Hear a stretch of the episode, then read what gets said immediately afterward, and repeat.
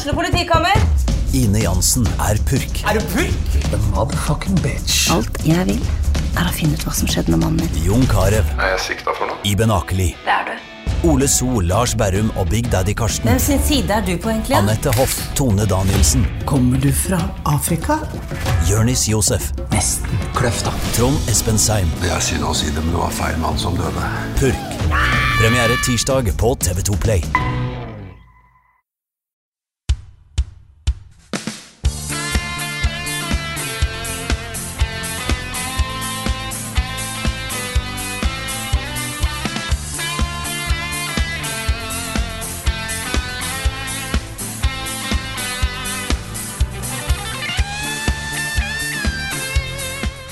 Alle sammen, og velkommen til en ny episode av podkasten Level Backup. Her er det nettopp vært påske.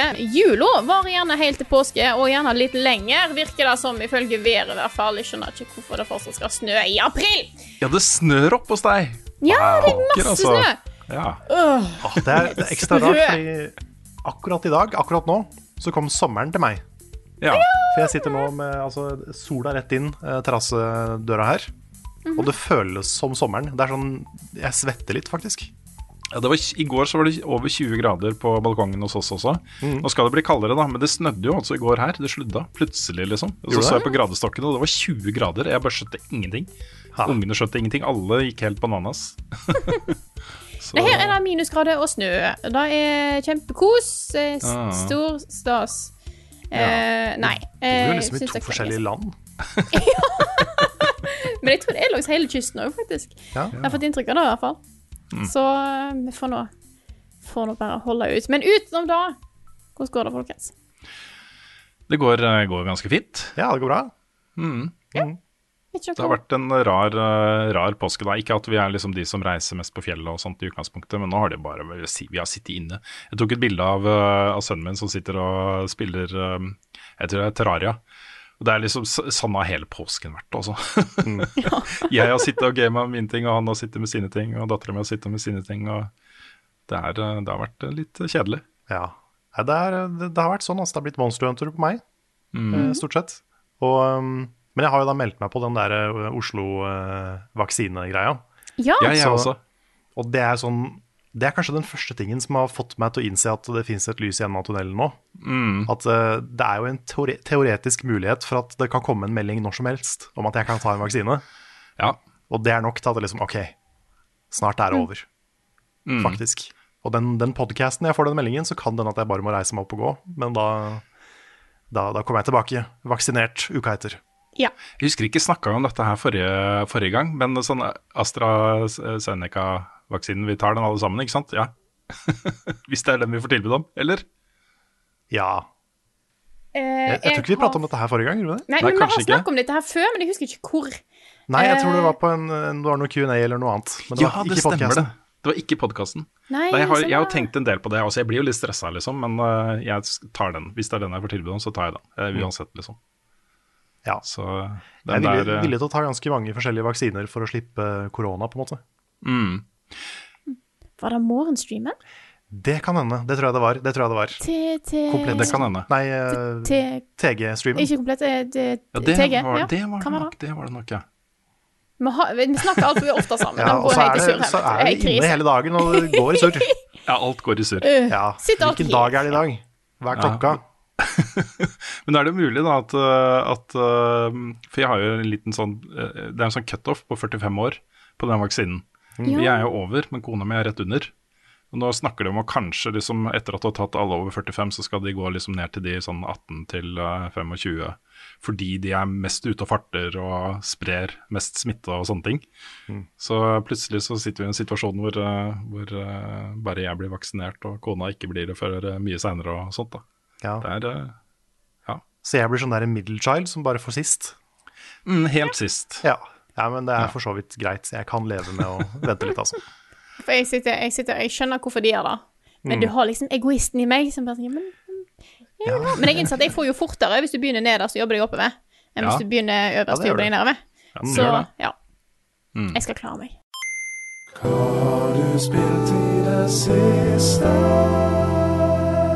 Åh, det er fint å ha fri og kunne spille litt spill, så vi har vel alle har vel litt nye ting å snakke om i dag.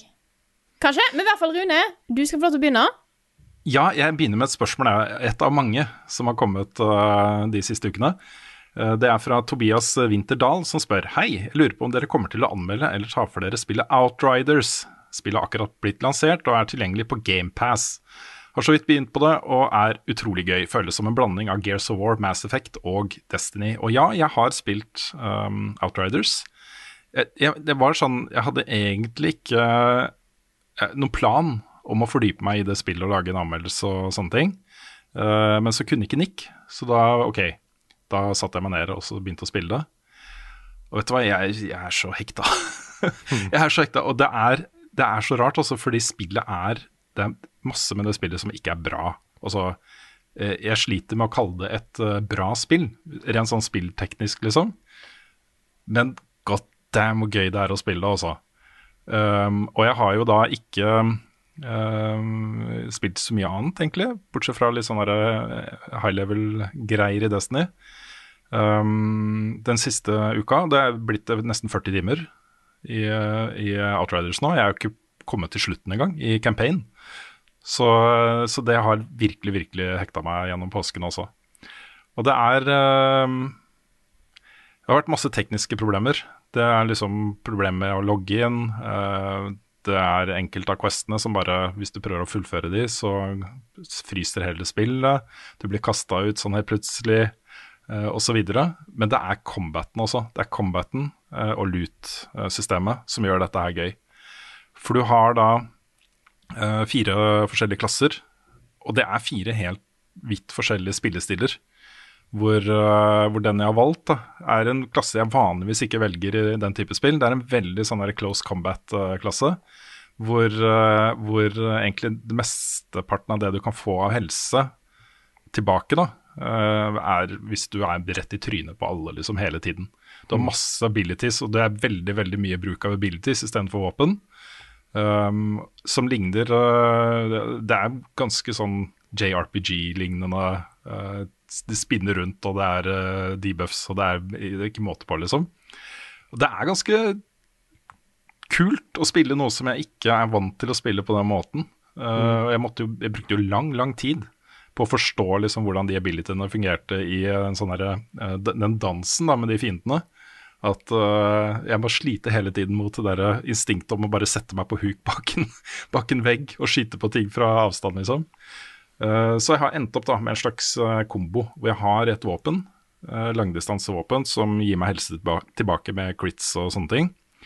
Resten er liksom spekka for at jeg skal bare fly rundt som en villmann og bare plaffe løs og det bare Ja, det er skikkelig kaos, da. Men et morsomt kaos. Så um, det Jeg skal fullføre. Uh, det, blir, det blir en anmeldelse også.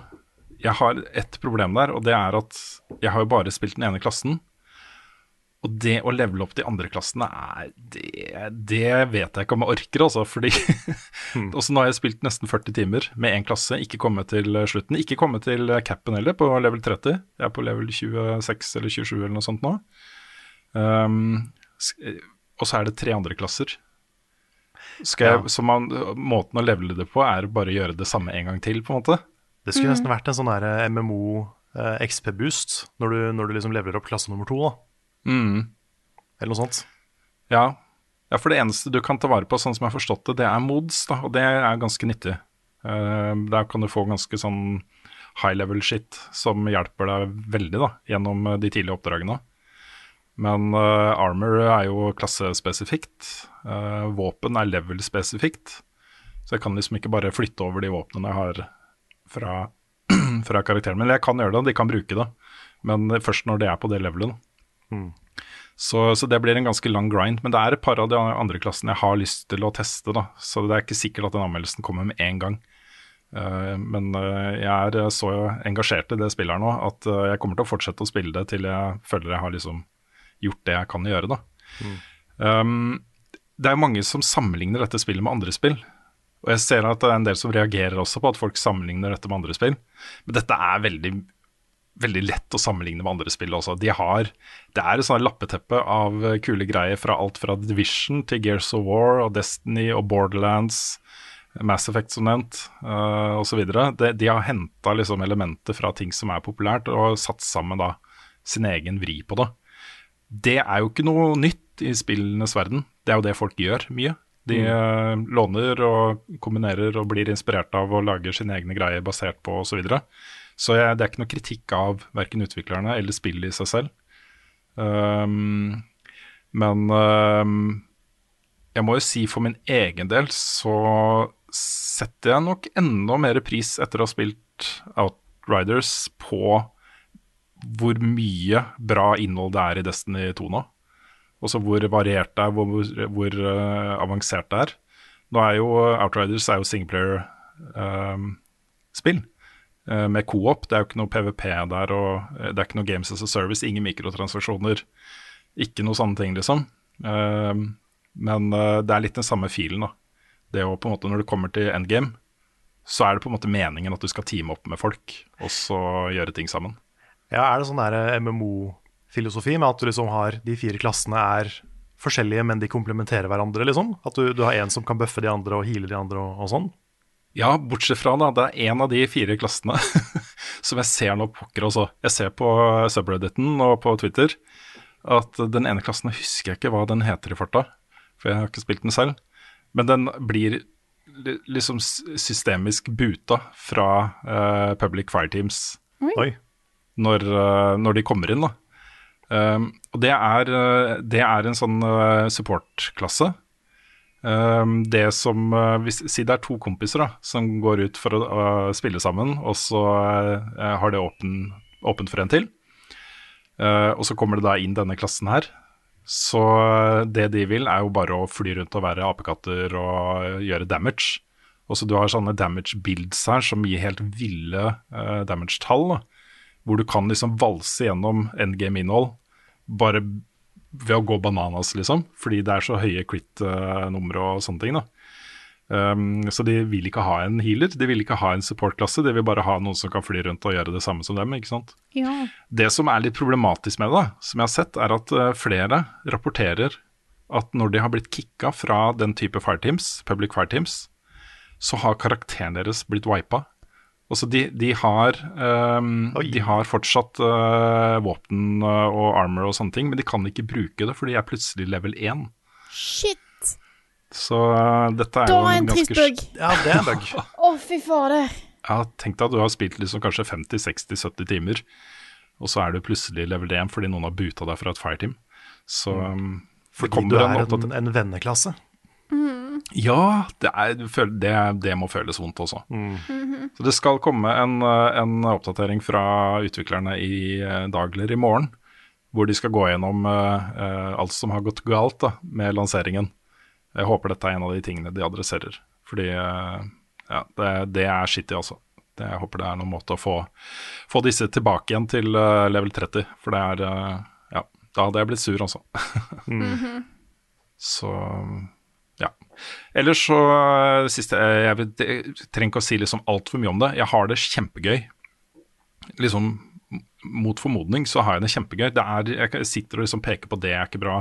For eksempel da, den Uh, bakgrunnshistorien er kjempekul. Det er jo liksom Jorda har gått under. Uh, det er en halv million mennesker som har reist ut i store verdensrommet til en planet som alle liksom sondene, sondene de har sendt ut, har sagt her er det oksygen og her er det fint og, og sånt, men det er jo ikke det. Um, og så går og ting til helvete osv. Um, selve den bakgrunnshistorien syns jeg er kul. Det er bra sci-fi, liksom. Det er sånne ting jeg liker. Men den er så kjipt fortalt, uh, i hvert fall i starten, og så tar det seg veldig opp mot slutten. Uh, historien blir mye bedre uh, siste tredelen, liksom. Men den er ikke bra. det er veldig mye sånne generisk altså Mange av de områdene er sånn det kunne vært hvor som helst.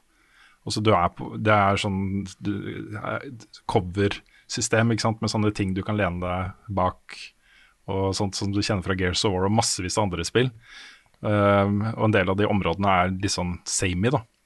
Uh, men det også tar seg litt opp mot slutten. Og det er en ting som er litt spennende her, er at dette er en stor, stor planet. Og du spiller bare på en liten, litt lite område av den planeten.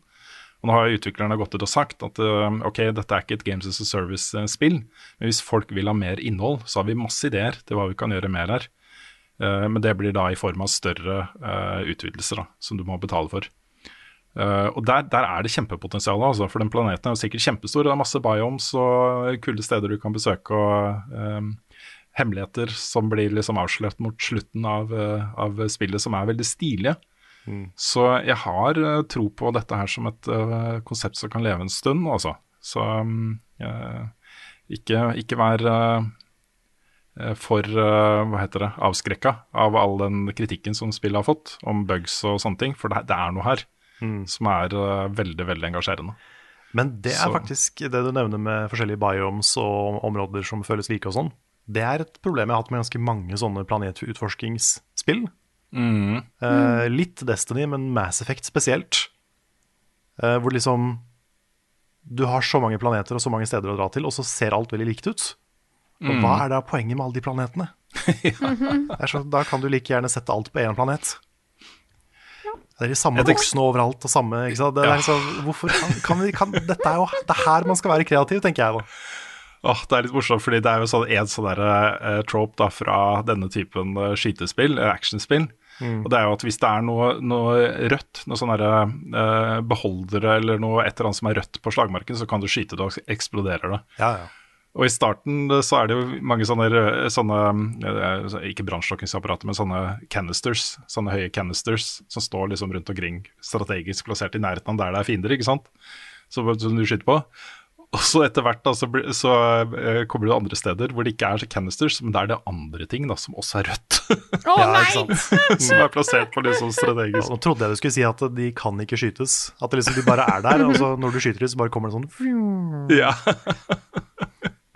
kommer regnbue ut, eller noe sånt. Så, ja. Men et spill som gjør det der veldig bra, da, det er jo et spill som har kommet litt eh, i vinden igjen akkurat nå, fordi det er gratis i den, der, uh, tjenesten, eller den greia på, på PlayStation, hvor de har gitt ut en del spill gratis. Ratchet Clank, remaken. Der, de gjør biomes riktig også. Der er Hver planet er veldig veldig forskjellig, og så er det jo også mye samme gameplay og sånt, men det er mange stilige eh, miljøer å utforske også. Ja, jeg tenker at det er jo hovedgrunnen til å sette spillet in space, da. ja. Er det ikke det? Liksom, Jo, jeg er Utforske enig i det, nye altså. verdener, liksom.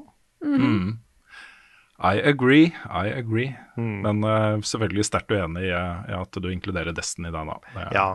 Det, jeg vet at det er kontroversielt, men eh, nei, da, Destiny er ikke verst på det. Men uh, jeg, der også etterlyser jeg litt mer sånn Venus ser jo litt ut som jordkloden. Ja, det gjør det. Det er litt, litt sånne ting. da At det er bare noe litt mer eh, alien. Det forklares jo med law, da, fordi eh, Venus har jo blitt befolka av, av Ja, mennesker Det er, det er nok, som det er nok bygd- grunner. Ja. som har bygd bygninger som eh, Ikke sant? Mm. Så ja. Mens månen er lagd av The Wizards. ja. Nei, jeg, jeg gleder meg til podkasten over og jeg klipper den, for da kan jeg spille mer Outriders. Det er, det er blitt en sånn derre, eh, liten drug for meg, det der også. Det er kjempegøy.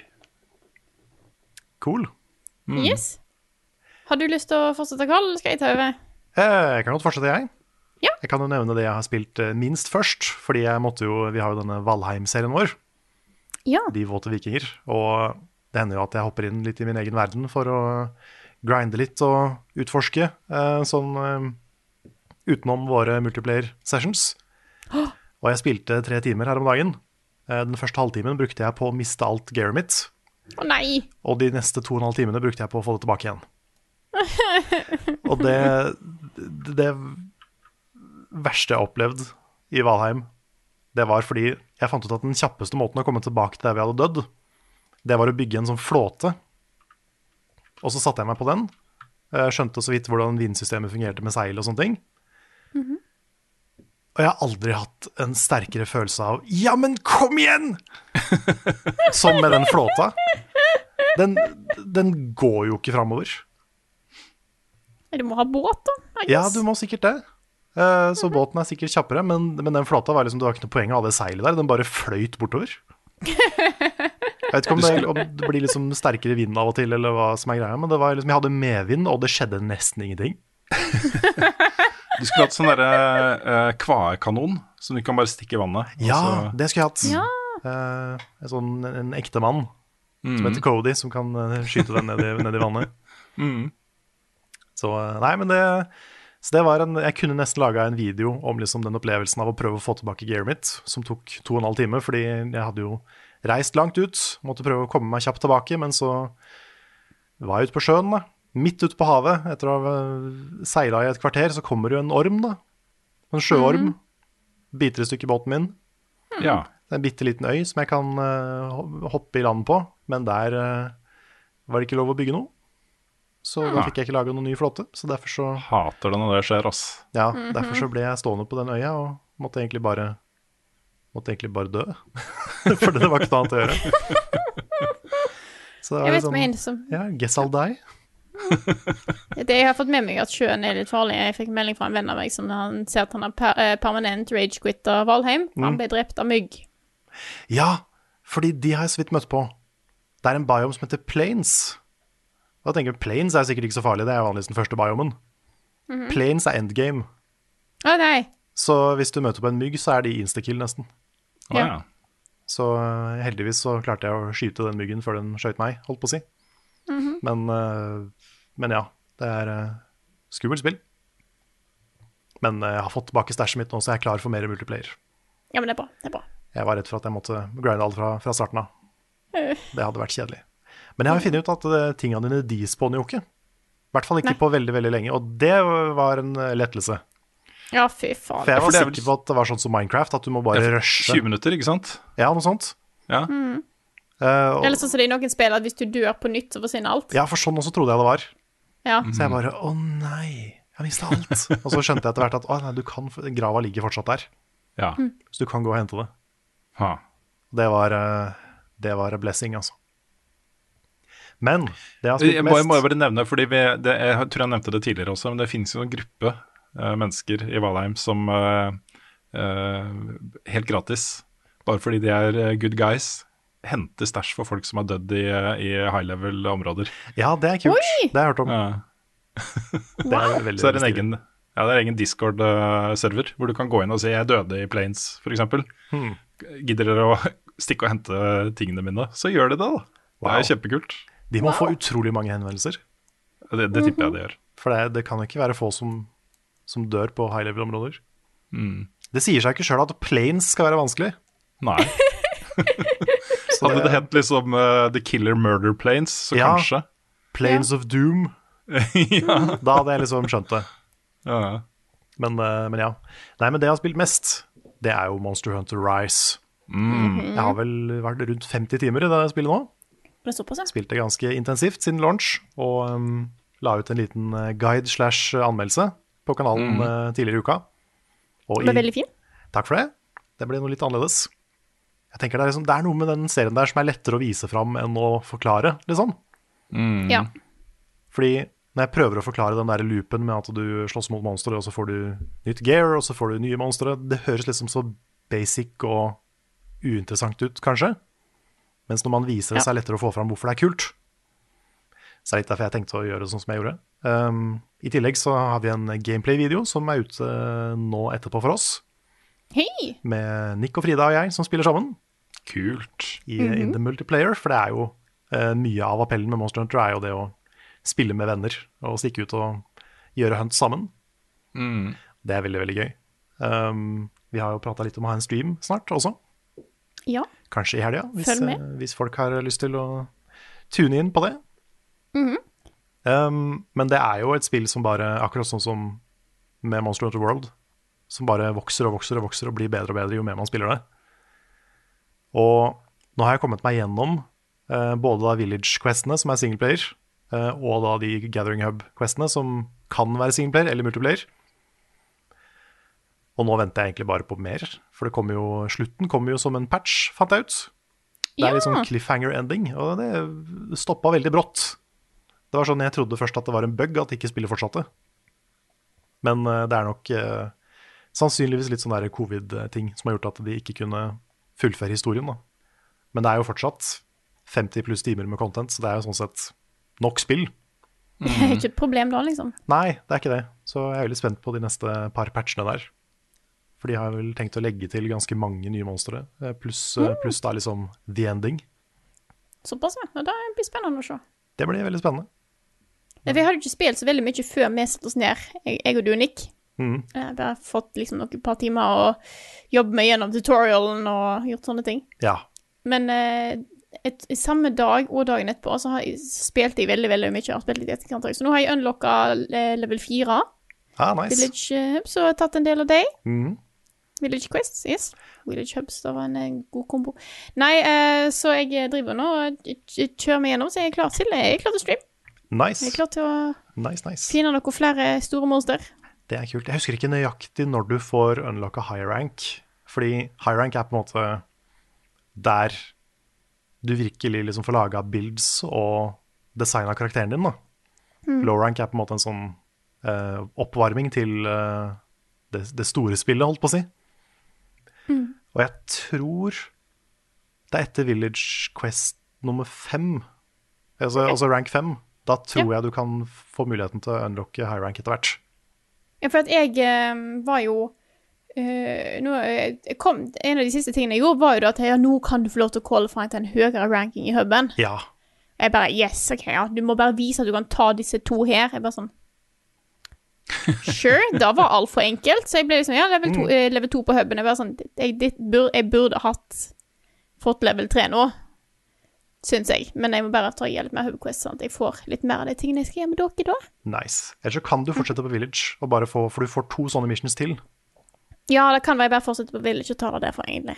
Det er kanskje nesten lurest, Ja. for da får du liksom slutten på den delen av historien, og så får du eh, sånne nye sånne kvalifiseringseksamener. Ja, Men da bare kjører jeg på.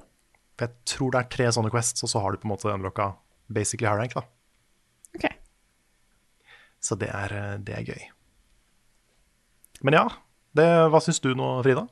Jeg prata masse om det forrige uke. Jeg følte jo Altså, tutorialen var altfor lang. Eh, alt ting var veldig kronglete. Jeg følte fortsatt at jeg ikke hadde helt kontroll på eh, kontrollsystemet og alt sånne ting da vi spilte sist. Mm. Men da følte jeg kom etter jeg spilte sånn fem-seks timer til. Ja. Så nå, nå føler jeg på en måte at jeg har litt mer kontroll på, på hva, hvordan ting funker, hva jeg gjør. Jeg syns disse her uh, eh, wave missions òg Ja, Tower Defense-delen. Ja, det liker jeg ikke. Nei, jeg vurderte å legge inn noe om det i den anmeldelsesvideoen. anmeldelsesvideoen. Det Mm. er så få av de i spillet, så jeg valgte å ikke fokusere så mye på det. Ja, Men, jeg, men, men ja, jeg jeg, skjønner hva du mener. jeg vet Ja, det neste jeg må gjøre, er nemlig en sånn quest. Og sånn, mm, Ja. men uh, jeg får nå bare slite meg gjennom det. ja, for det er jo liksom um, Dette er jo Monster Hunter gameplay, Uh, pluss at du har sånne kanoner og sånn som du kan bruke til å skyte en, en horde av monstre som da kommer inn på basen din. Uh, pluss at du kan sette opp tårn, da. Så det er jo basically en sånn aktiv tower defense. Eh, det er vel Jeg tror det er tre eller fire obligatoriske sånne i løpet av hele spillet, inkludert liksom high rank og alt. Ja. Um, jeg likte det ikke når jeg spilte det aleine, men jeg fikk uh, joina noen randoms um, på Gathering Hub-delen, og spilt fireplayer. Og da var det faktisk litt kult. For da blir det sånn Sanctum-aktig. Ja, det er akkurat det. Og Sanctum elsker jeg. Ja, ja, det er dritkult. Mm. Så det er jo I teorien så er det ganske likt Sanktum, men, uh, men det er noe med den der å spille med folk som vet litt mer hva de gjør, kanskje. For, for meg Ja, så for jeg har ingen sånn anelse om hva jeg gjør. Nei, det er så mange forskjellige tårn. Og liksom hva, hva er bra mot hva, og hva gjør det, og hva gjør det. Men uh, jeg er jo i utgangspunktet veldig glad i Tower Defense. Så det var bare litt mye greier. Ja, de forklarer det ingenting, sånn som resten av spillet, egentlig. Nei, det er så rart, for de har så mye tekst, og de har så mye tutorials, men de forklarer så lite. Ja, Jeg skjønner ikke at det går an. Nei, det er nesten fascinerende. Så jeg bare håper det teamet der bare får seg en helt ny tutorial designer, for det, det er, starten er helt krise av det. Og det er så synd, fordi resten er så bra. Så jeg blir ikke sånn oppgitt over at spillet ikke kommer ordentlig i gang tidligere. Mm. Men eh, fy fader, det er bra når du kommer i gang. altså. Ja, nå koser jeg meg. Så bra. Det, jeg gleder meg til å spille mer. Yeah. Det blir gøy. Du er fortsatt ikke med, Rune? Jeg er fortsatt med i podkasten, men Ja, nei, eh, ja det, det håper jeg. uh, Ja, nei, jeg er uh, jeg er nysgjerrig på spillet, liksom. Jeg, jeg tror det når du sier at dette her blir gøy. Mm. Men uh, det er for mange andre ting å fokusere på. Nå må jeg liksom Jeg hadde egentlig tenkt å prioritere anmeldelse av Narita Boy, men så kom Outriders, og da tenkte jeg ok, jeg får prioritere den først. Og så er jo det et veldig langt spill, så nå blir det liksom først Outriders, og så Narita Boy. Og så er det jo Resident Evil og de tingene som kommer uh, uh, seinere, da. Og Returnal og Ja. Pokémon Go og Nei, Snap med det. Pokémon Snap, New Pokémon Snap. Oh yes.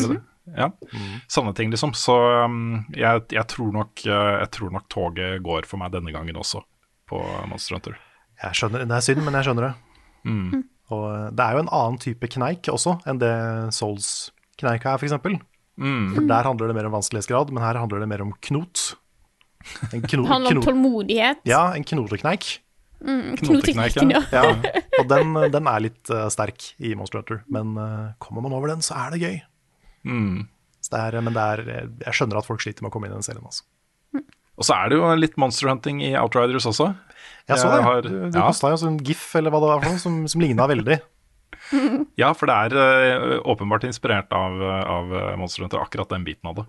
Du har eh, På hver, hver nye område, hvert nye område du kommer til, så er det liksom de samme tingene. Du har en, en sånn high level target, en wanted target, og så har du et monster da, som du skal levere hodet til en, en bartender, og så får du kult gear tilbake. Ah. Ja, det er, eh, de, alle de områdene er veldig stilige, altså. Veldig morsomme og utfordrende. Mm. Det var en ting jeg glemte å nevne ved Outriders som jeg syns er veldig bra. Eh, og det er at eh, hele den verden har en sånn world level-system. Eh, jo høyere world level du spiller på, jo større prosentvis sjanse får du for bra lut, og eh, jo høyere level og eh, nivå blir det på lutet du får. Um, og da er det jo gjerne sånn at hvis du spiller på maks world level av det du har muligheten til, så er det beintøft. Men da kan du liksom bare skru det ned, da. Så hvis du stanger liksom mot eh, en, en, en monster eller en boss eller hva som helst, kan du bare skru ned. Helt til du kommer til det nivået hvor det blir på et akseptabelt nivå for deg, da, personlig. Jeg liker den måten å se på vanskelighetsgrad på. Fordi du får lut. Du får lut uansett, liksom. Men den, kvaliteten på lutet blir litt lavere hvis du skrur ned, da. World level. Det, det syns jeg er en veldig, veldig bra måte å tenke vanskelighetsgrad på. Ja, det er kult. Det, um, for å prøve å liksom beskrive for de der hjemme, da, liksom tegne et bilde av hvordan det er å spille Monster Hunter i multiplayer. Så bare se for deg at du, du starter på en quest. Dette er sånn high rank, da, sånn mot slutten av spillet. Du starter på en quest, det er et monster du ikke har slåss mot før. Og du, du starter questen, vet ikke hva du kan forvente. Du har bøffa deg opp, og så møter hun. Og så er det sånn, ja, OK. Det går jo ganske bra i starten. Han virker ikke så skummel, og han slår jo litt hardt, men eh, du klarer å unngå mye av det og, og sånn. Og du har jo lært deg våpenet ditt, så du begynner å bli ganske OK. Og så plutselig så bare skyter en sånn Godzilla laser beam. Og hvis du blir treffet av den, så kanskje du blir svimmel. Og da kan du lett bli treffet av neste ting. Og så dør du. Men du har jo to forsøk til i løpet av missionet. Og så joiner Batman. Batman. Ja, en fyr som heter Batman. Det er, ganske, Ja. det er ganske mange characters i Monster Hunter som heter Batman. Ja. Um, og han har et helt annet våpen, og han blir med deg for, på forsøk to. Og nå begynner det liksom, dere gjør litt progress. Dere får banka han opp ganske mye. Han begynner kanskje å miste, livet, miste nok liv snart og kunne, kunne tas. Men så dør Batman. Og da har du bare ett liv igjen, fordi dere deler jo liv. Ja. Men plutselig så krasjer inn Gunther auf Deutschland. Og han, han har jo alt, all teksten sin på tysk, selv om du spiller på engelsk. Og han hopper opp på monsteret, og så kommer det opp sånn her Ich habe die Monster gereidet. Eller noe sånt. Og krasjer monsteret inn i veggen. Og krasjer inn en vegg til, og en vegg til, og en vegg til. Gjør masse damage. Og så bare slår dere alle tre på monsteret mens det ligger der. Og det begynner å glow red på den dotten, som gjør at man, kan, eh, man nærmer seg. Og så tar Batman fram en felle, kaster noen trank bombs, og så klarer dere hele missionet. Bare fordi Batman og Gunther ble med, vet du. Ja. Og det er opplevelsen av å spille Monster Hunter med random, så det er ganske gøy, det òg. Så du må ikke bare spille med venner. Men det å liksom bare starte en mission og håpe at det kommer noen inn, som det, også, som det ofte gjør, da, det også er ganske gøy. Altså, det er en veldig sånn unik, rar opplevelse med et spill, men det er ordentlig gøy. Så takk til Batman og Gunther of Deutschland for uh, good hunt. Du kan jo i Outriders, beklager at jeg går tilbake, men du kan jo Outriders når du starter spillet, hver gang du starter spillet, så kan du sette opp uh, om, om eh, ditt altså din, ditt game skal være åpent for randoms, Mm. eller ikke. Uh, det er liksom fullt åpent, public, eller så bare venner, eller closed, da. Ja, det er sånn det så du- funker her også. Ja, så du kan liksom spille gjennom storyen, og så risikere, da, hvis du har på åpent, at bare folk joiner deg underveis, sånn tilfeldig, da. Mm. Jeg har ikke testa det, men det er en, jeg, jeg liker det. Jeg syns konseptet er kult. Det er kult. Du får på en måte sånn Det er ikke noe voice chat i, eh, på Switch, uh, sånn internt. Så du, du får jo ikke muligheten til å prate med de randomsa som hopper inn, men det er noe med det å bare ha en sånn opplevelse med en vilt fremmed person. Og du bare ser for deg at de folka du aldri har møtt, eller aldri kommer til å møte, og aldri kommer til å se igjen, de sitter der og jubler, de òg, liksom. Og eh, når du fullfører en Quest, så får du liksom likes fra de andre spillerne hvis du har vært flink. Og, ikke sant? Ja, ja, ja. Det er noe sånn gøy med det. altså. Ja kult. Det er, det, er litt sjarm. Mm. Yeah, Ja. det er meg. Var du ferdig? Ja, da tar jeg over. Eh, jeg har spilt noe vi snakka om forrige uke.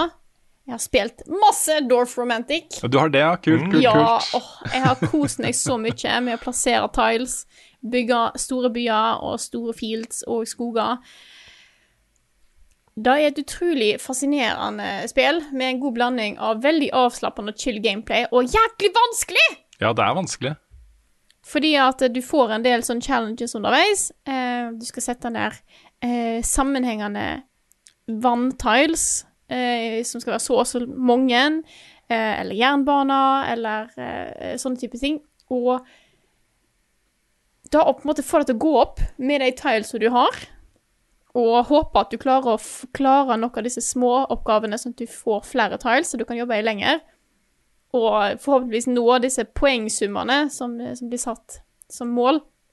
Det er ikke enkelt, altså. Og jeg føler jeg lærer mer og mer av spillet hva som er lurt. Nå prøver jeg meg på en der jeg hovedsakelig fokuserer på kun legge ned tiles eh, perfect. Det vil si at alle seks kantene på tilesa matcher det som er rundt dem.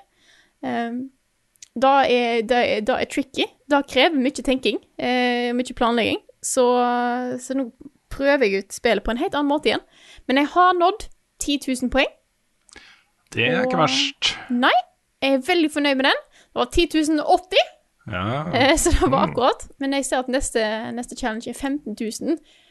Da skjønner jeg ikke at det går an. Men eh, jeg, skal, jeg skal prøve. Jeg skal jobbe hardt. Jeg har lyst til å lage en liten video på det. Dette er jo i early access, så det blir ikke en vanlig anmeldelse. Men eh, jeg har lyst til å lage noe på det, bare for, for å vise det fram, da, rett og slett. Høres ut som en god idé. Og så har jeg fortsatt på Everhood. Ja. For, eh, for jeg må bare nevne det, for det sist gang så snakket jeg om at jeg hadde, følte ikke jeg hadde helt kontroll på historien. Jeg skjønte ikke helt hvor de ville med dette her. Da eh, det, Historien ordna seg litt en time etterpå. ja. Eh, så, så nå har jeg mye mer kontroll på hva som skjer. Eh, jeg liker veldig godt hvor de har tatt historien. Og jeg er spent på å se hva som skjer videre. Men det er forferdelig vanskelig, altså. Herregud. Åh, jeg sitter så sinnssykt fast på noen av, noen av fightsa. Det er helt, helt krise. Og nå slåss jeg mot en blå elektrisk mann. Utrolig kul musikk. Men fy fader, jeg vet ikke helt hvordan jeg skal, hvordan jeg skal klare den her, altså. Den, eh, den tror jeg trenger en del, en del practice. Jeg har kjøpt det. Jeg, har, jeg skal spille det. Ja. Så jeg, jeg, det var sekunder før jeg starta på det her om dagen, men eh, så ble det Valheim isteden. Men jeg har, eh, Ja. det er toppen på lista mi nå. Du valgte heller å dø i Valheim. Jeg gjorde det. Det var en produktiv dag. Nei, men det er, det er veldig kult spill. Jeg er spent på å se hvor de tar det. Det er noen deler av det jeg liker veldig godt, og noen deler av det jeg syns er litt knotete. Det er ikke en eh, Det er ikke en Hva var det vi kalte det? Knote... Knotekneik. Knotekneik. Det er ikke en knotekneik. Nei. Det er mer da at noen ting underveis kanskje burde blitt løst litt bedre uh, innimellom, men jeg, jeg, jeg liker I like it. Jeg er spent på, på å se resten, så jeg skal definitivt få, få komme meg gjennom den når jeg har tid, altså.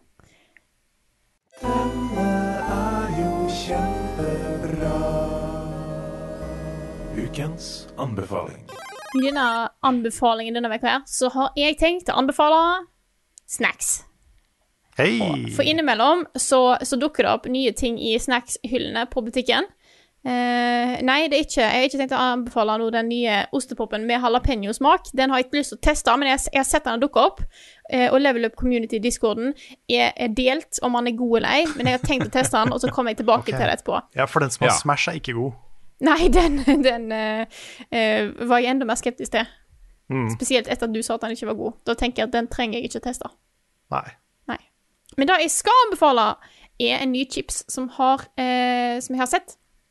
Eh, jeg vet ikke hvor lenge den har vært der, men jeg har nettopp oppdaget den. Det er Mårud som har en sånn vintergull limited edition-smak. Og jeg var skeptisk på om det kom til å funke, men det funker. Sriracha mayo-smak. Oi. What the hell? Ja.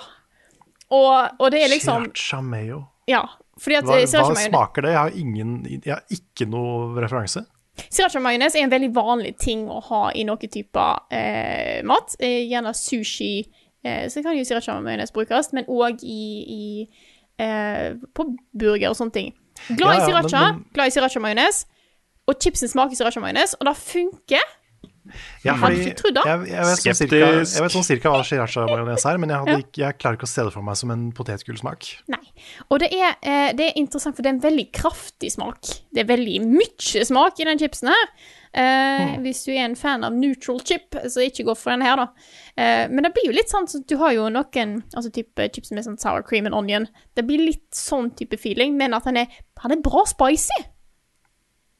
Det er bra futt i han. Så eh, det, det, er en, det er en overwhelming eh, smak, for den er veldig, veldig mye smak i den. Men jeg likte den. Will buy again. Så eh, Nice. Setter også pris på at, at du legger til litt sånn hverdagsanbefalinger i anbefalingsspalten. Det er kjempebra. Jeg hadde egentlig ikke tenkt å komme med noe innspill i denne spalten her, men jeg innser jo nå at jeg har jo en veldig nat naturlig digresjon. Forlengelse av det du snakker om der, Frida, for dette handler også om poteter. Fordi jeg er jo sånn Jeg um, er jo innom TikTok uh, et par ganger om dagen, liksom. Jeg ikke har ikke noe konto eller noe sånt, jeg bare ser denne For you-page-siden. Og den er litt fascinerende, fordi den viser deg jo bare mer innhold av det, de tingene du stopper opp ved. De tingene du ser på, ikke bla videre på, liksom. Og nå har det da Det er så mange forskjellige oppskrifter på poteter nå, som jeg får hver eneste dag. Og det er, jeg har prøvd en av de. I, eh, I helgen så, så lagde jeg sånn der hvor du tar eh, poteter, og så eh, stikker du de eh, en sånn grillspyd gjennom de. Og så skjærer du i en sånn spiral, og så drar du litt ut. ja, ja, ja. Og, så, og så pensler du det med oliven og krydder og sånt, og så steker du det i ovnen. da. Nå så jeg en ny en eh, i går som jeg hadde lyst til å prøve ut, hvor du først koker potetene, og så smasher du de flate. Og så pensler du de med smør og krydder de og tar litt olivenolje over, og så baker det i ovnen, så blir det sånn crunchy, nesten sånn potetgull-lignende flak. da. Ja, det har jeg hørt om. Jeg har fått så mange sånne, sånne potetoppskrifter, det er helt sjukt. det blir ikke mer norsk og hverdagslig enn poteter, liksom. Så her Nei, nei, Det, jeg- det, det er sant. Ja. Jeg, jeg får, på Facebook nå så får jeg bare kattungevideoer. Eh, For det er det eneste jeg stopper på, og det er egentlig helt greit. Um, jeg har ikke fått så mange potetoppskrifter. Altså. Nei. Jeg stopper på alle disse her, eh, rare DIY-videoene som dukker opp på Facebook, og jeg får, så da får jeg flere av de. Å, fy fader, det er så trash og rart, og jeg elsker det. Ja. Det er så mye med sement. ja, men det er så mange av de, de kan jo ikke være ekte. Nei. Mange av de er jo er- fake òg. I hvert fall Ja, ja, de må jo være det, for det, det, det er jo magic. Så ja, jeg tror mye av det er, mye av det er fake, er fake, spesielt i matlagingsfronten, men jeg, eh, jeg har en sånn fascinasjon for det. Ja. Jeg har, jeg har lyst til å liksom Jeg får veldig lyst til å lage en parodi på de der DIY-tinga. Sånn eh, veldig proft filma, akkurat sånn som de er. Sånn over, ovenfra kameraet ned på, en, eh, på et bord, liksom. Og noen hender som bare Ja, så tar du den appelsinen, og så knuser den og smeller den i bakken, og, og sånne ting. Og så får du en ny blomstervase. Altså sånn type ting. Men hva heter, hva heter den der serien med Tim Allen igjen? Hvor, uh, hvor du hadde uh, Det var, det var jo sånn do it yourself-konsept, uh, sånn derre mekkeprogram. Så I, også, i, I serien så var det det de lagde. Var det, det, som, det var ikke det som var Home Improvement? Jo, eh, Home Improvement stemmer. Ja. Hvor du hadde han skjeggete fyren som sto det var, den, det var jo litt sånn. Ja. Han sto liksom og fiksa ting, og det var ikke sant. Men vår vintergull er sriracha mayo, altså. Nice.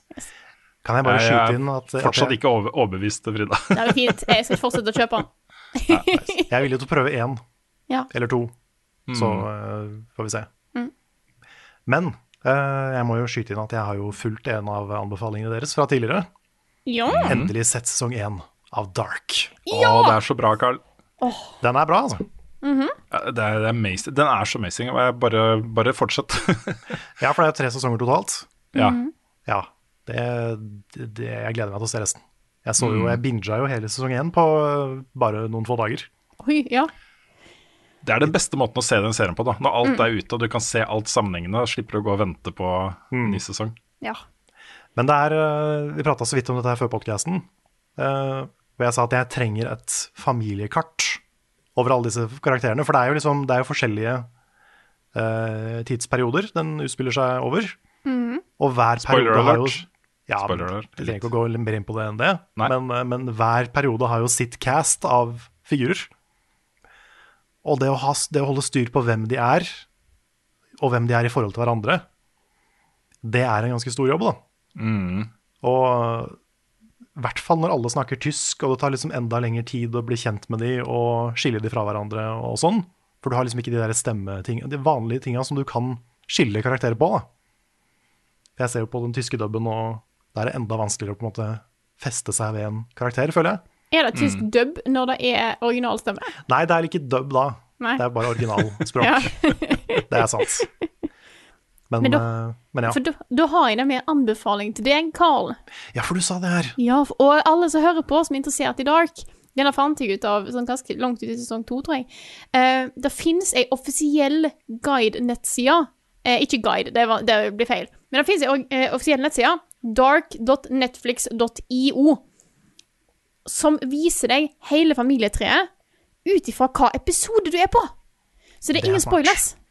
Så du bare velger at du er i sesong én og episode seks, og da får du opp familietreet ut ifra hva du vet.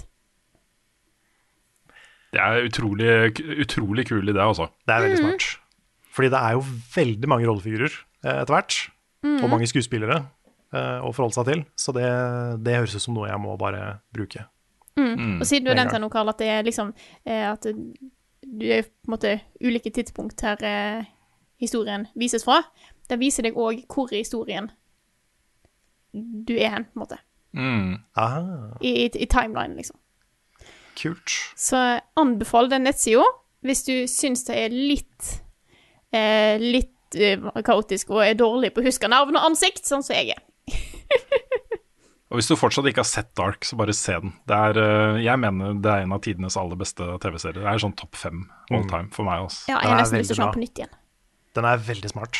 Mhm. Og eh, jeg gleder meg så til å finne ut liksom mer om eh, the science og, og hva liksom Hva som er greia. Mm.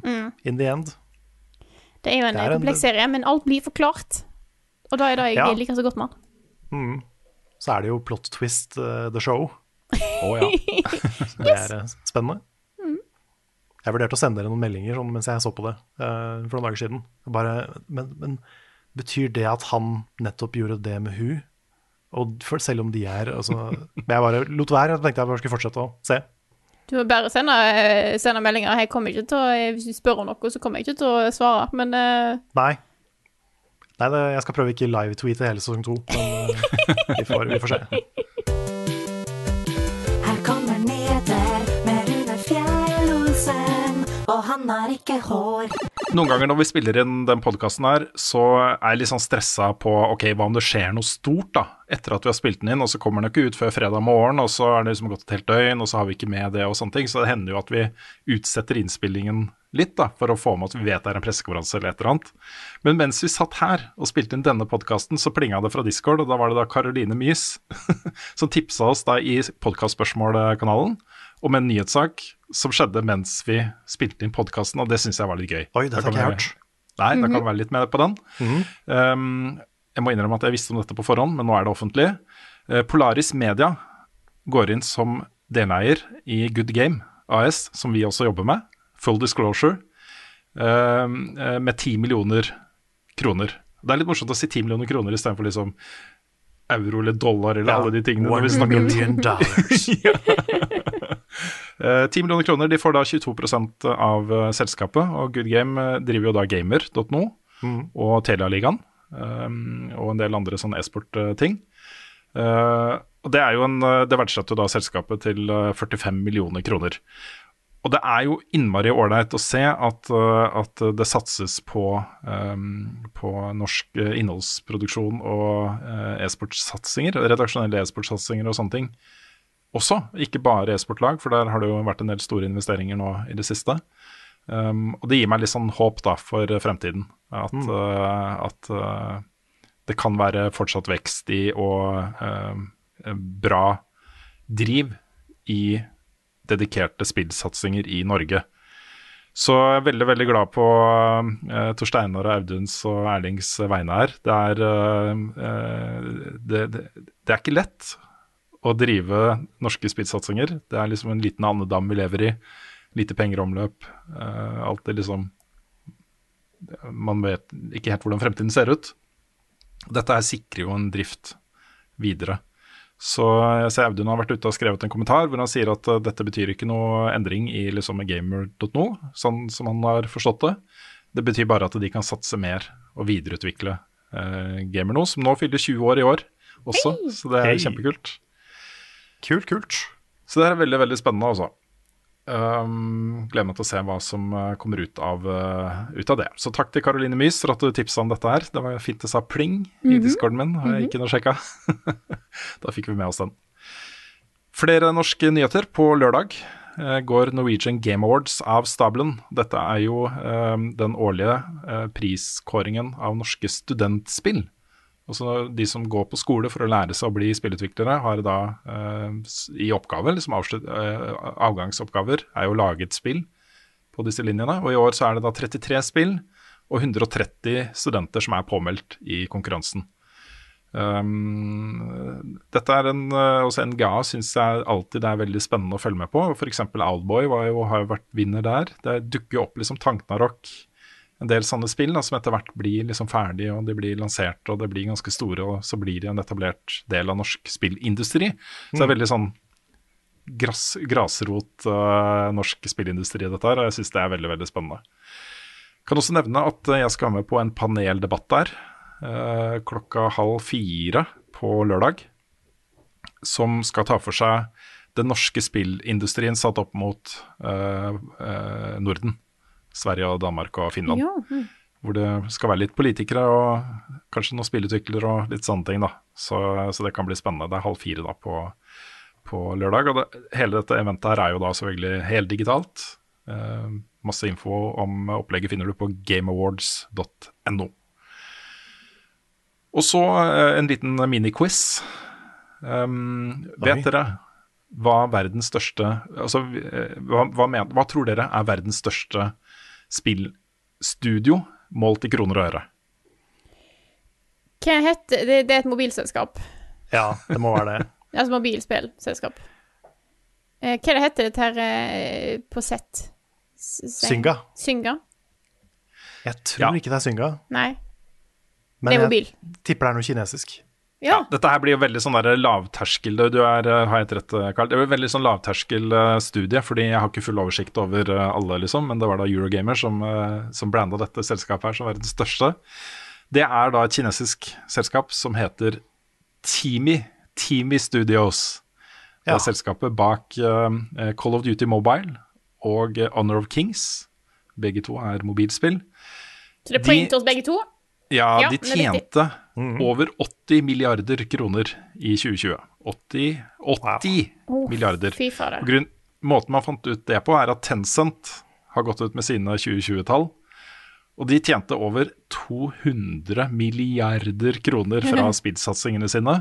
Og der sier det da at 40 av de, de, de inntektene står da Team Studios for. Så bare tar man fram kalkulatoren og regner uh, 40% av 200 milliarder, og så havner man da på, på 80. God damn. Det er mye det penger. er helt vanvittig mye penger. Så um, eh, vi trenger ikke å liksom, diskutere det i det vide og det breie, men uh, der ser du liksom hvor store Tencent har blitt da, i uh, global målestokk. Det er svære greier, dette her. Det er mer enn Tencent. Det er mer enn Tencent. Mer enn Tencent. Um, og så har eh, den amerikanske hæren inngått en avtale med Microsoft om innkjøp av HoloLens til opplæringsbruk, og sikkert etter hvert til sånne der, eh, Ghost Recon-tilstander på slagmarken type ting. HoloLens er jo AR. Altså du Stemmer. eh, ser liksom verden bak, men du kan legge også det er en dataskjerm da, som legger informasjon over. Og eh, HoloLens i denne sammenhengen kan gi deg liksom nattsyn og eh, litt sånn utvida informasjon om fiender og, og sånne Har ting. har de noen gang lansert HoloLens for forbrukere? Det tror jeg ikke. Nei, det tror ikke jeg heller. Jeg husker at de demonstrerte det på E3 for mange år siden, med Minecraft-demo og sånn, men uh, Ja. kan ikke huske å ha sett det ute noen gang. Nei, ikke, ikke heller. Uh, dette er jo fortsatt sånn eh, teknologi under utvikling. Um, og jeg tror også derfor summen er så stor, for det er snakk om 160 milliarder kroner. Ja. 160 milliarder kroner, som da den amerikanske hæren har kjøpt HoloLens eh, for. Åssen får alle, for, Um, hvordan får alle, disse, alle disse milliardene? ja, men det er så mye milliarder. Fins det en milliard til meg? Kan jeg få en milliard? Ja, det hadde vært greit, ja. Altså. Um, nå er jo dette her en ganske sånn kontroversiell sak internt i Microsoft. Det er mange ansatte som reagerer på at uh, det de sitter og utvikler, blir brukt som krigsteknologi. Så det, det har jeg full forståelse for, at det er en eh, kompleks uh, situasjon og en ubehagelig situasjon. Eh, og sikkert også en sånn eh, ting som gjør at mange vurderer om de har lyst til å jobbe for et selskap som fôrer Ja. krigsmaskineriet. Jeg tror ikke jeg hadde hatt lyst til å jobbe med det som blir våpen for eh, noen her, egentlig. Nei, fordi jeg, jeg syns jo den koblingen er litt sånn der ubehagelig. Jeg husker jo eh, de første eh, Ghost Recon-spillene jeg spilte. Så tenkte jeg jo liksom at dette er fremtiden. Og jeg husker jo utvikleren også var jo ute i intervjuer og sa at vet du hva, vi har basert oss mye på liksom forskning på militær, militærteknologi, og så har vi lagt det inn i spillet. Så selv om vi er liksom i, i eh, noen år inn i fremtiden, så er dette her er på en måte sånn som det kan se ut. da. Hvor du har et sånt visir som gir deg informasjon og highlighter fiender og gir deg liksom avstand til ting og eh, nattsyn og sånne ting. Og analyse av slagkampen, men, slagmarken mens du er i den, liksom. Eh, og det er jo på en måte det HoloLens kan tilby. da.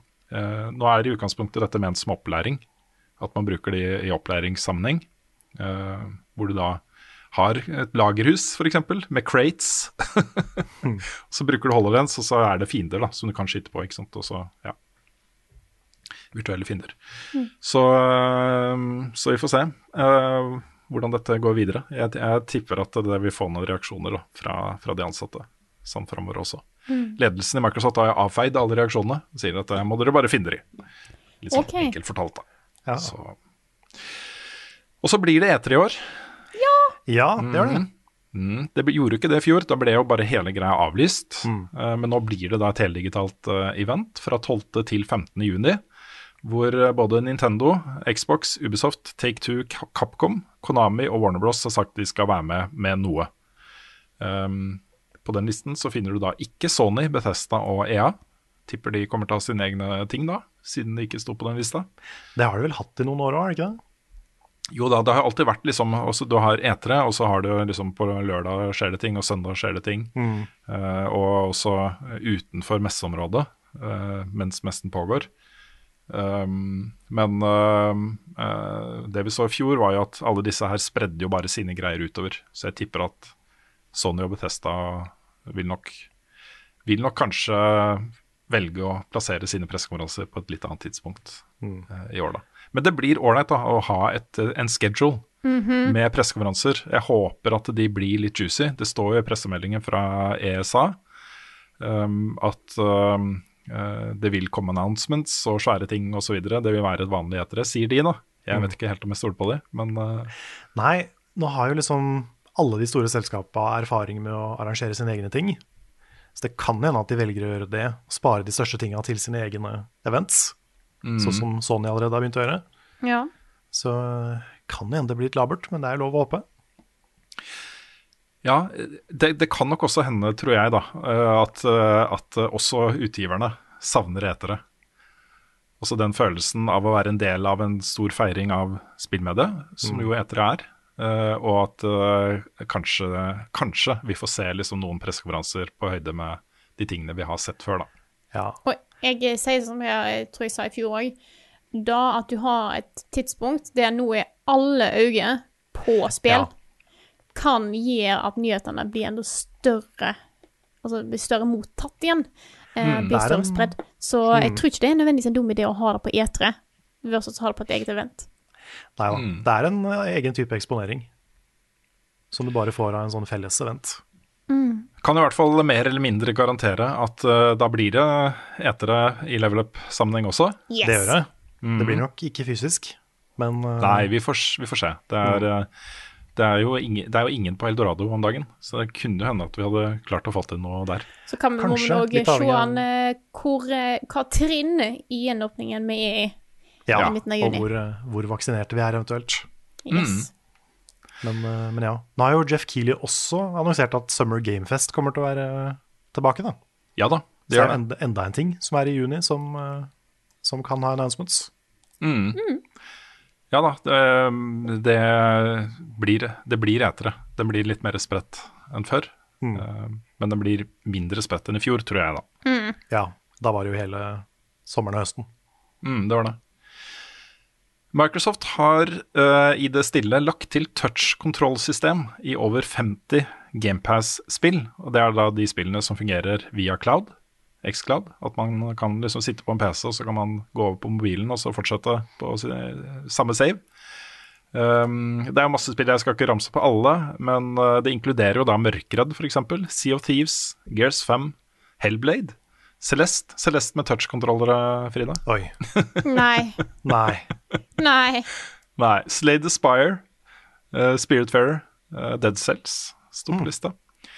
Nei, Så det er ikke masse det. Det går ikke, ass. Nei. Men poenget er at nå kan du jo pare en Microsoft uh, sånn Xbox-kontroller og en DualShock-kontroller med en, uh, en mobiltelefon. Og sette det på mounts og sånne ting. Og jeg ser det er jo massevis av folk som spiller på den måten òg. Er, uh, de har liksom kontroller og så bare mm, plassert uh, mobilen oppå med en sånn liten mount, og så spiller de med det. Hvis du parer en kontroll med en telefon, får du da en Switch-lignende baby? Ja, en Switch-lignende ting, ja. ja. Det er jo, det er jo mange um, Hvem er det som har de derre dumme Ikke dumme. Uh, spilltelefonen igjen. Asus. Uh, Asus, ja. Asus lanserte jo nettopp en ny spilltelefon. Som var visst tydeligvis dritkraftig. Mm, mm. det er, altså, når, man sitter, når man ser de spillene som er tilgjengelige på mobil nå, uh, og, vet at man kan sitte og spille Fortnite med og mot folk som sitter på PC f.eks., eller eh, PlayStation, den, den har blitt en skikkelig avansert uh, spillplattform. Uh, og særlig da, hvis du uh, kobler til en skikkelig spillkontroller så, og har skjermen nærme nok, så er det, det f- nesten en fullverdig spillmaskin. Også. Det er det. Med, ja. Kanskje det er tid for et comeback for Engage? ja, kanskje det. Kanskje det. Jeg har litt mer tro på de tingene som Racer og sånn, sånn gjør, da. Hvor de Ja. bare lager sånne mounts med kontrollere på hver side som ligner litt på en Switch. Mm. Som du bare kan slide telefonen inn i, og så er det Det er good to go. go. Det er sant. Uh, ja, jeg må hoppe litt i manuset. Håper jeg ikke glemmer uh, det jeg hopper over. Men uh, det er relatert, eller ikke relatert, men handler om mobiltelefon, det også. Det har kommet et nytt spill fra Platinum Games, folkens. som Oi. ble shadowdroppa på da Apple Arcade. Det heter World of Demons. Eh, og jeg har ikke spilt det, jeg har bare sett en video fra det. Og det ser jo ut som et Platinum Games-spill. Veldig sånn uh, høyoktans eh, action med uh, monstre og sånne ting. Demoner. Eh, som det så kjempestilig ut, rett og slett. Så um, det kan være verdt å sjekke ut. Apple Arcade, altså. På Apple Arcade. Eksklusivt på. Apple Arcade. Ja. Mm. Og så har Dette syns jeg er litt interessant, fordi eh, mange spør jo seg nå hva Sony skal gjøre for å svare på GamePass. Og de har jo den PlayStation Now-tjenesten sin, som i hvert fall eh, med en litt sånn derre kjapt overblikk Jeg har testa den tjenesten, men bare så vidt. Ikke er like god. Det har ikke like stort utvalg. Litt mer knotete å finne fram til de bra tingene og, og sånne ting. Men mange tenker jo at PlayStation Now bør bli eh, en like omfattende eh, tjeneste som GPS. Oh, at det er Sonys mulighet. Mm. Og nå har da plutselig eh, både Marvels Avengers og Borderlands 3 blitt inkludert på PlayStation Now. Og det forteller meg da at de jobber med saken. At det kan være starten på noe. At de begynner å inkludere flere og flere spill, og så ser om abonnementstallet vokser. Og hvis abonnementstallet vokser, og kurvene peker oppover, så vil den også kunne utvikle seg videre. Uh, mens Microsoft har en stor fordel her kontra uh, Sony, og det er jo at de har råd til å uh, ha langt perspektiv på det. De har integrert GamePass i hele spillsatsingen sin på en helt annen måte enn det Sony kan gjøre, fordi det er en kjempeinvestering de, eh, de må gjøre for å ha et så stort bibliotek. Så, så vi får se. Men uh, kan være starten på noe, det også. Det har kommet en oppdatering til No Man's Sky som jeg bare skal nevne kjapt. Eh, den heter Expeditions, og grunnen til at jeg vil nevne den, er at den har lagt til et helt nytt singleplayer mode, eh, som da heter Expeditions, hvor du starter med en fresh karakter. eh, og så har du en progresjon gjennom spillet som ikke dette spillet har hatt før. Hvor du har veldig konkrete mål om å f.eks. Skaffe deg det og det våpenet, eller bygge den og den tingen til basen din, eller mine det og det. Og så milestones da, som du skal nå, eh, med sesonger og rewards på season pass og, og sånne ting. Og det, det har jo rett og slett ikke dette spillet hatt. Det har vært mye mer sånn frittflytende, da. Eh, du har hatt uh, quests og story quests og sånne ting som har vært morsomme å følge. Men her har du da alle starter på akkurat nøyaktig samme planet. Så når du starter der, så er det masse andre folk som vandrer rundt og gjør ting. Og så blancher du ut, og folk drar litt forskjellige steder og sånt. Men så er det meningen da, at man skal møtes igjen på samme planet og samme sted seinere igjen. Så det er en veldig kul måte å bygge et skall rundt det spillet her på, som, eh, som eh, øker appellen, tror jeg, for mange. Så hvis du har sittet litt på gjerdet og vurdert No Man's Sky, men tenker at det er litt for vagt og frittflytende og sånne ting, så her har du, her har du en veldig god inngang i spillet. Vi øh, snakka litt om det før øh, opptak også. Nå kommer da plutselig Pacman 99. Ja. Ja. Det, det er jo en, bare en ny variant av Tetris 99, hvor eh, det er Pacman.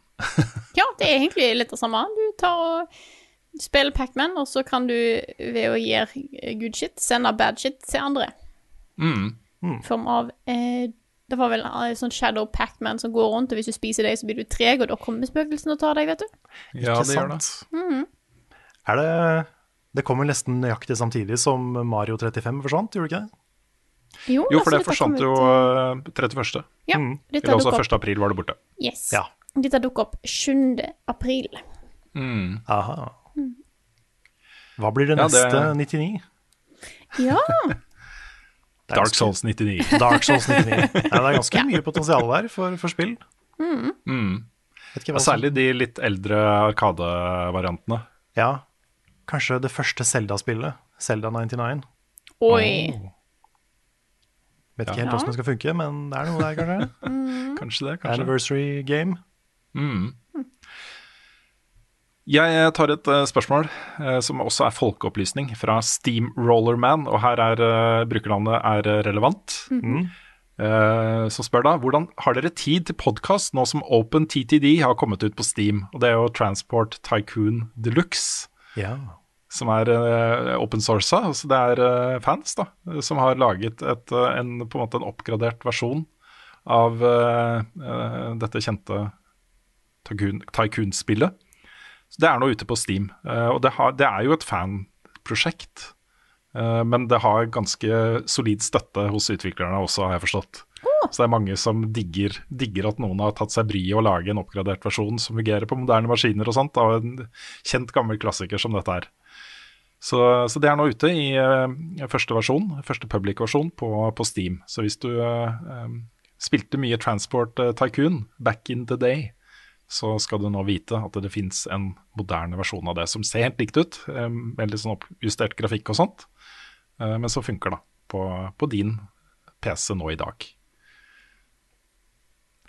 Og så vil jeg nevne bare helt til slutt jeg hadde litt lyst til å ha det med ukens hotteste. Vi diskuterte det, jeg fant det var kanskje ikke så stort. Men eh, det har dukka opp en ny story-trailer for et spill som heter Harold Halibut. Mm.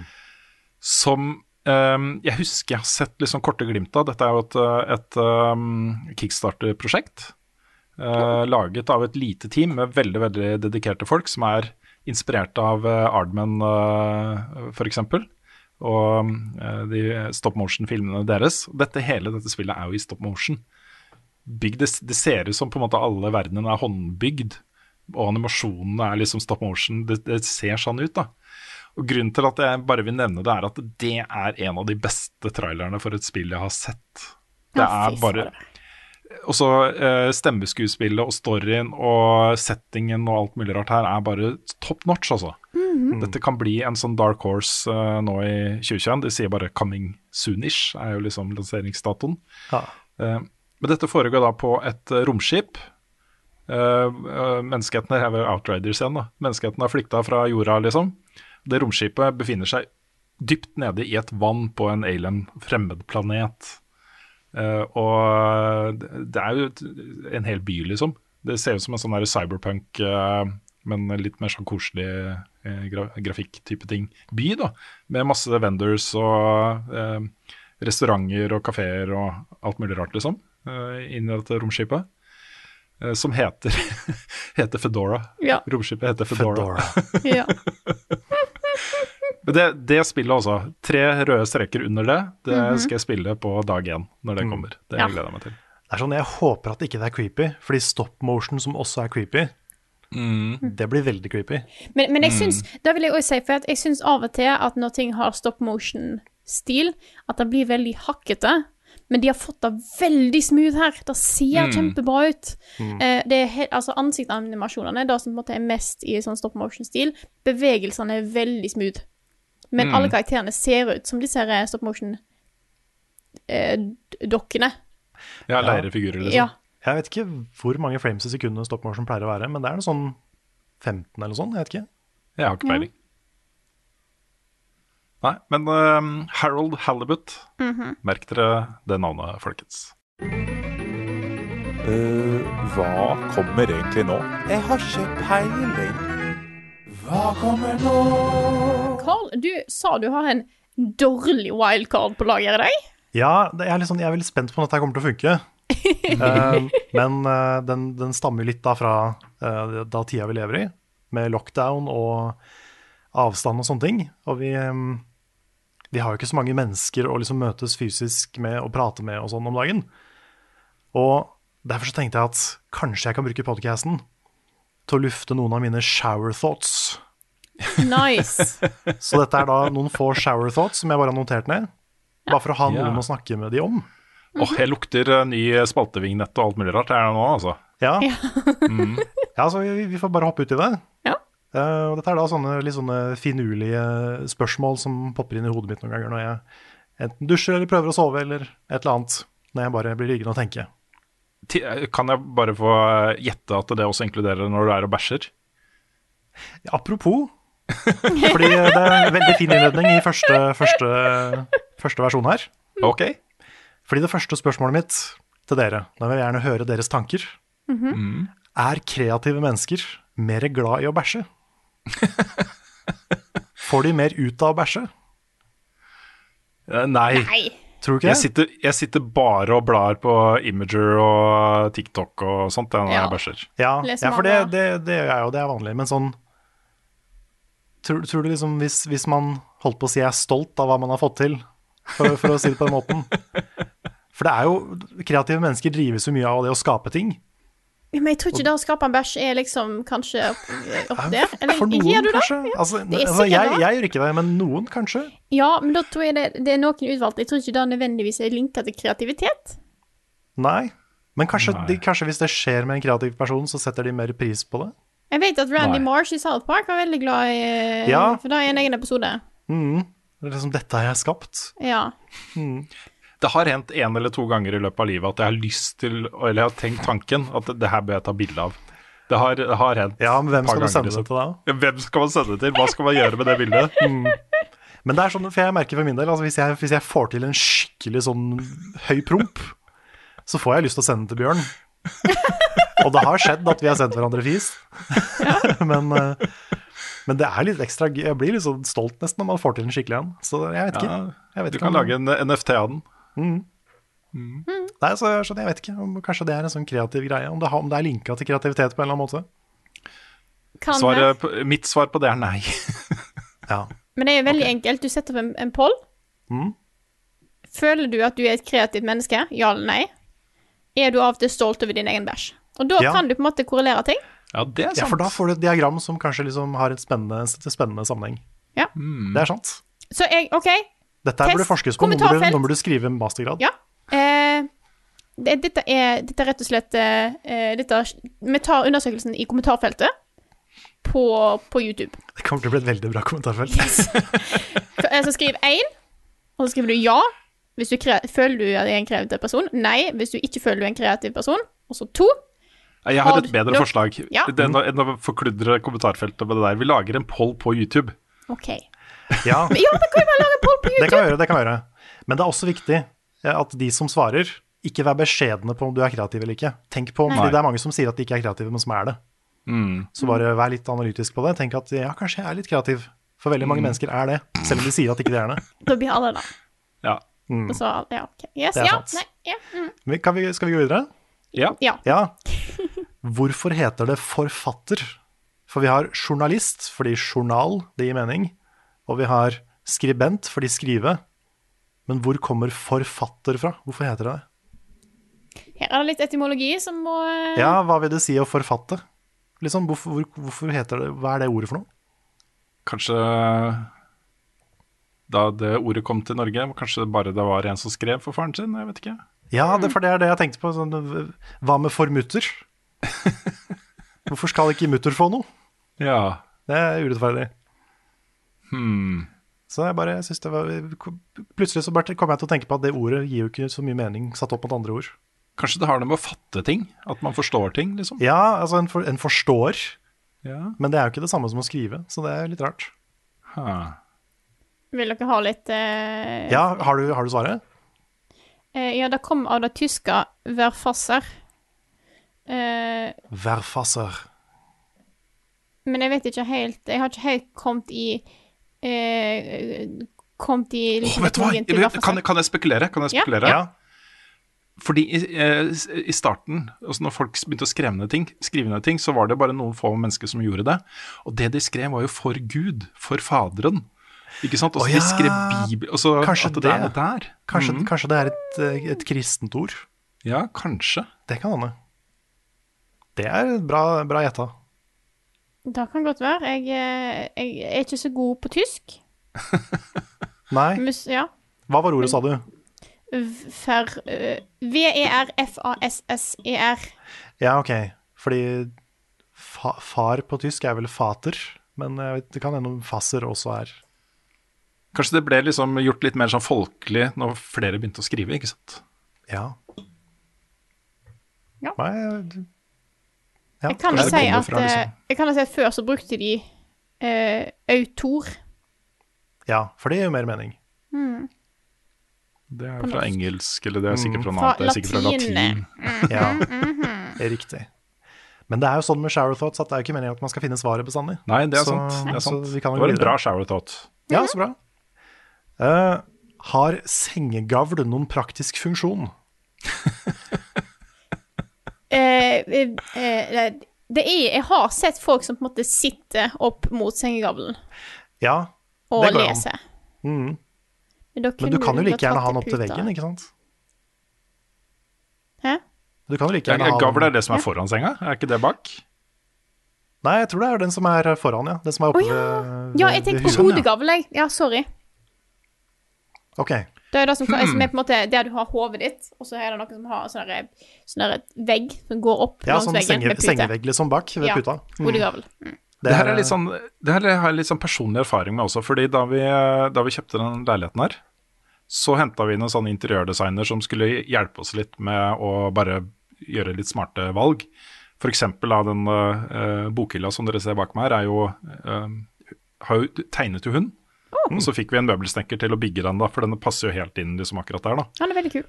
Ja. Jo takk, og vi har gjort en del sanne grep. da. Og En av de tingene vi snakka om, var liksom eh, eh, dobbeltsenga på soverommet til kona og meg. Kan vi gjøre noe liksom for at ikke Så hvis døra til det står, soverommet står åpen, så er det jo direkte innsyn fra stua. Kan vi gjøre liksom det er litt mer behagelig å se på hvis den døra står åpen. Da foreslo hun å sette opp to sånne kommoder da, eh, foran senga. Sånn at på en måte det som er bak kommoden, kommoden er litt skjult. Du ser ikke om senga er redd opp eller ikke, f.eks. hvis du sitter i sofaen. Kanskje det er noe der? At, også, at man skal liksom Skjerme senga. skjerme Ja, for- senga litt. For, Ja. kan jeg, kan, da du mener med sengegavl, da mener du med liksom den plata som er i fotenden på senga? Nei, jeg tenker på den som er i hodeenden. Ja, OK. Oh, ja, det var, ok, for jeg, nå trodde jeg du snakka om fotenden. jeg. Ja, for Ah, da nei. fikk Ja, nei. Men for så vidt den også, da. Ja, det er noen som har da, den, har jeg, den har jeg aldri helt skjønt, for det er litt Jeg vet at noen er litt lenger, og da er det, må de på en måte Det er synd hvis det er en, en plate i veien. Mm. Eh, men, men hodegavl eh, Senggabel på hovedsida av senga, da tror jeg er mest pynt. Mm, Ja. Jeg tror det. Ja, fordi jeg kjøpte jo min nye seng for et års tid siden, eh, og fikk da med en sånn en. Sånn en. Oh. Og nå bruker jeg jo den som lydisolerende plate bak PC-en min Mm. Ja. For det, det hadde ikke, jeg hadde ikke plass til en så tjukk sånn plate eh, på soverommet. Så da ble det, da ble det en svær lydplate isteden. Ja. Men jeg hadde ei eh, tidligere Ikea-seng som eh, kom med en hodegabel som var med hylle. Og Det da var det praktisk, for da kan du på en måte legge telefonen din der, eller ha bøker og sånne ting. Da Men er det over- tyngste greiene jeg har vært borti i mitt liv. Den Men var hvis- bare så gedigen og tung. Men hvis den er festa til senga og har masse ting på toppen Mhm. Det hender jo at senger er i bevegelse. Er Han ikke var det ikke litt festa til skummelt? senga, han sto bare i spenn mellom, mellom senga og veggen. Ok, for nå så jeg for meg at to mennesker kunne ligge i en seng, og så fikk de alt i huet. ja. Nei, det tror jeg ikke. For han, han, eh, det er sikkert derfor han er så jæklig tung, da. Og den skal ikke velte. Mm. Ok. Jeg har en, en, en eh, liten analyse her, her også. ok. I uh, USA da, så er det veldig vanlig å ha TV på soverommet. At man ligger mye i senga og ser på TV, og man får med seg nyhetene før man legger seg, og Mm. kanskje setter på morgensendingen eh, før man står opp og sånne ting. Kanskje det har noe med det å gjøre? Bare gjøre det litt mer behagelig å sette seg litt mer oppreist i senga. Ja, kanskje. Kanskje. Ja, men jeg tror det er da å ha noe å liksom ligge inntil som ikke er veggen, uten at du er nødt til å sette puta di opp mot veggen. Men han er, for, han er for bratt, liksom. Det er ikke noe godt å sitte inntil han heller. Nei, det er noe med det. Ja, en siste en. Ja. Okay. Det er hvorfor har ikke alle ting støvsugerledning? Altså den derre ledningen fra støvsugeren som du bare drar ut, og så trykker du på en knapp, og så flopp, inn igjen. Det er jo det smarteste i verden. Hvorfor har ikke alt det?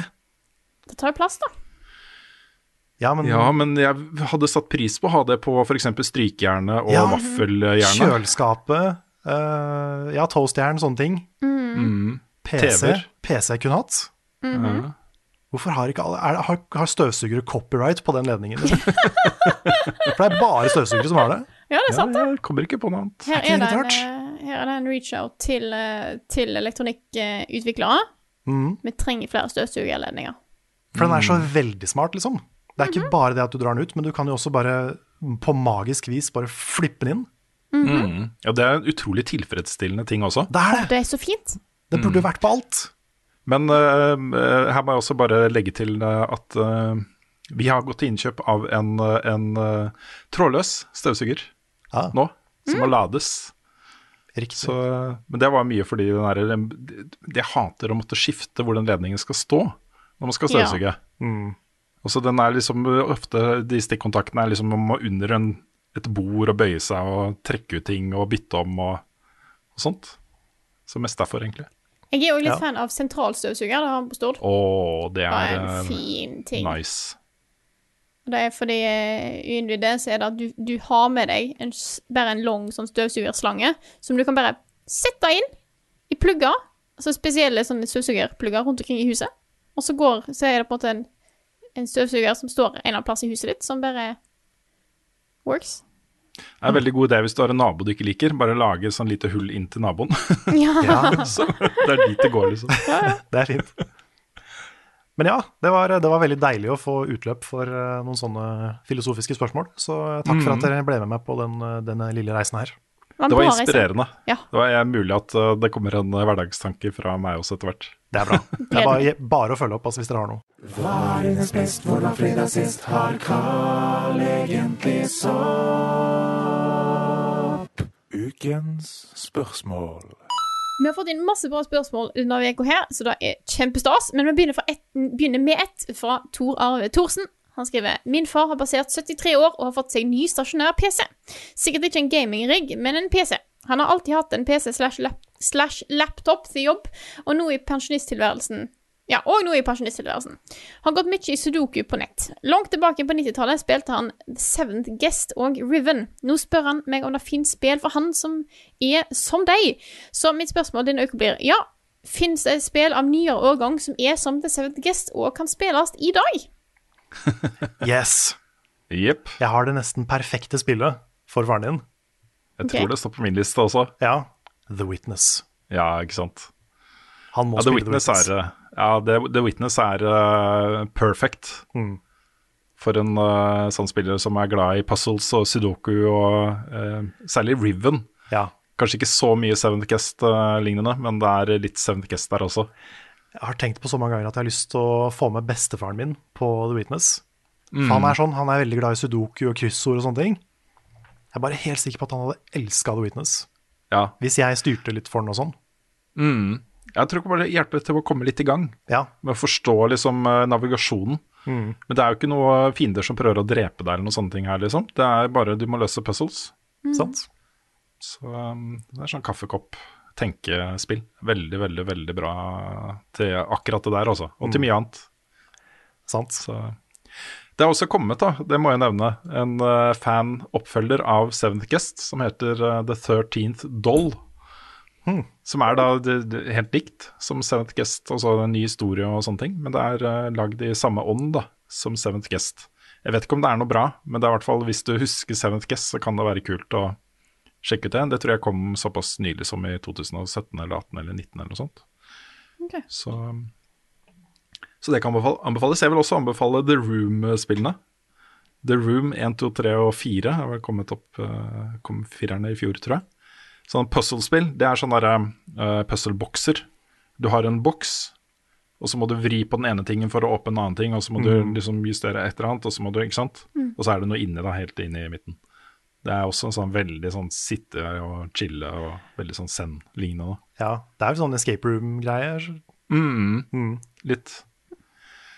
Også litt mer sånn Uh, På en måte en forlengelse av Seventh Guest. Altså litt den der nøste opp i mysterier-type tingen.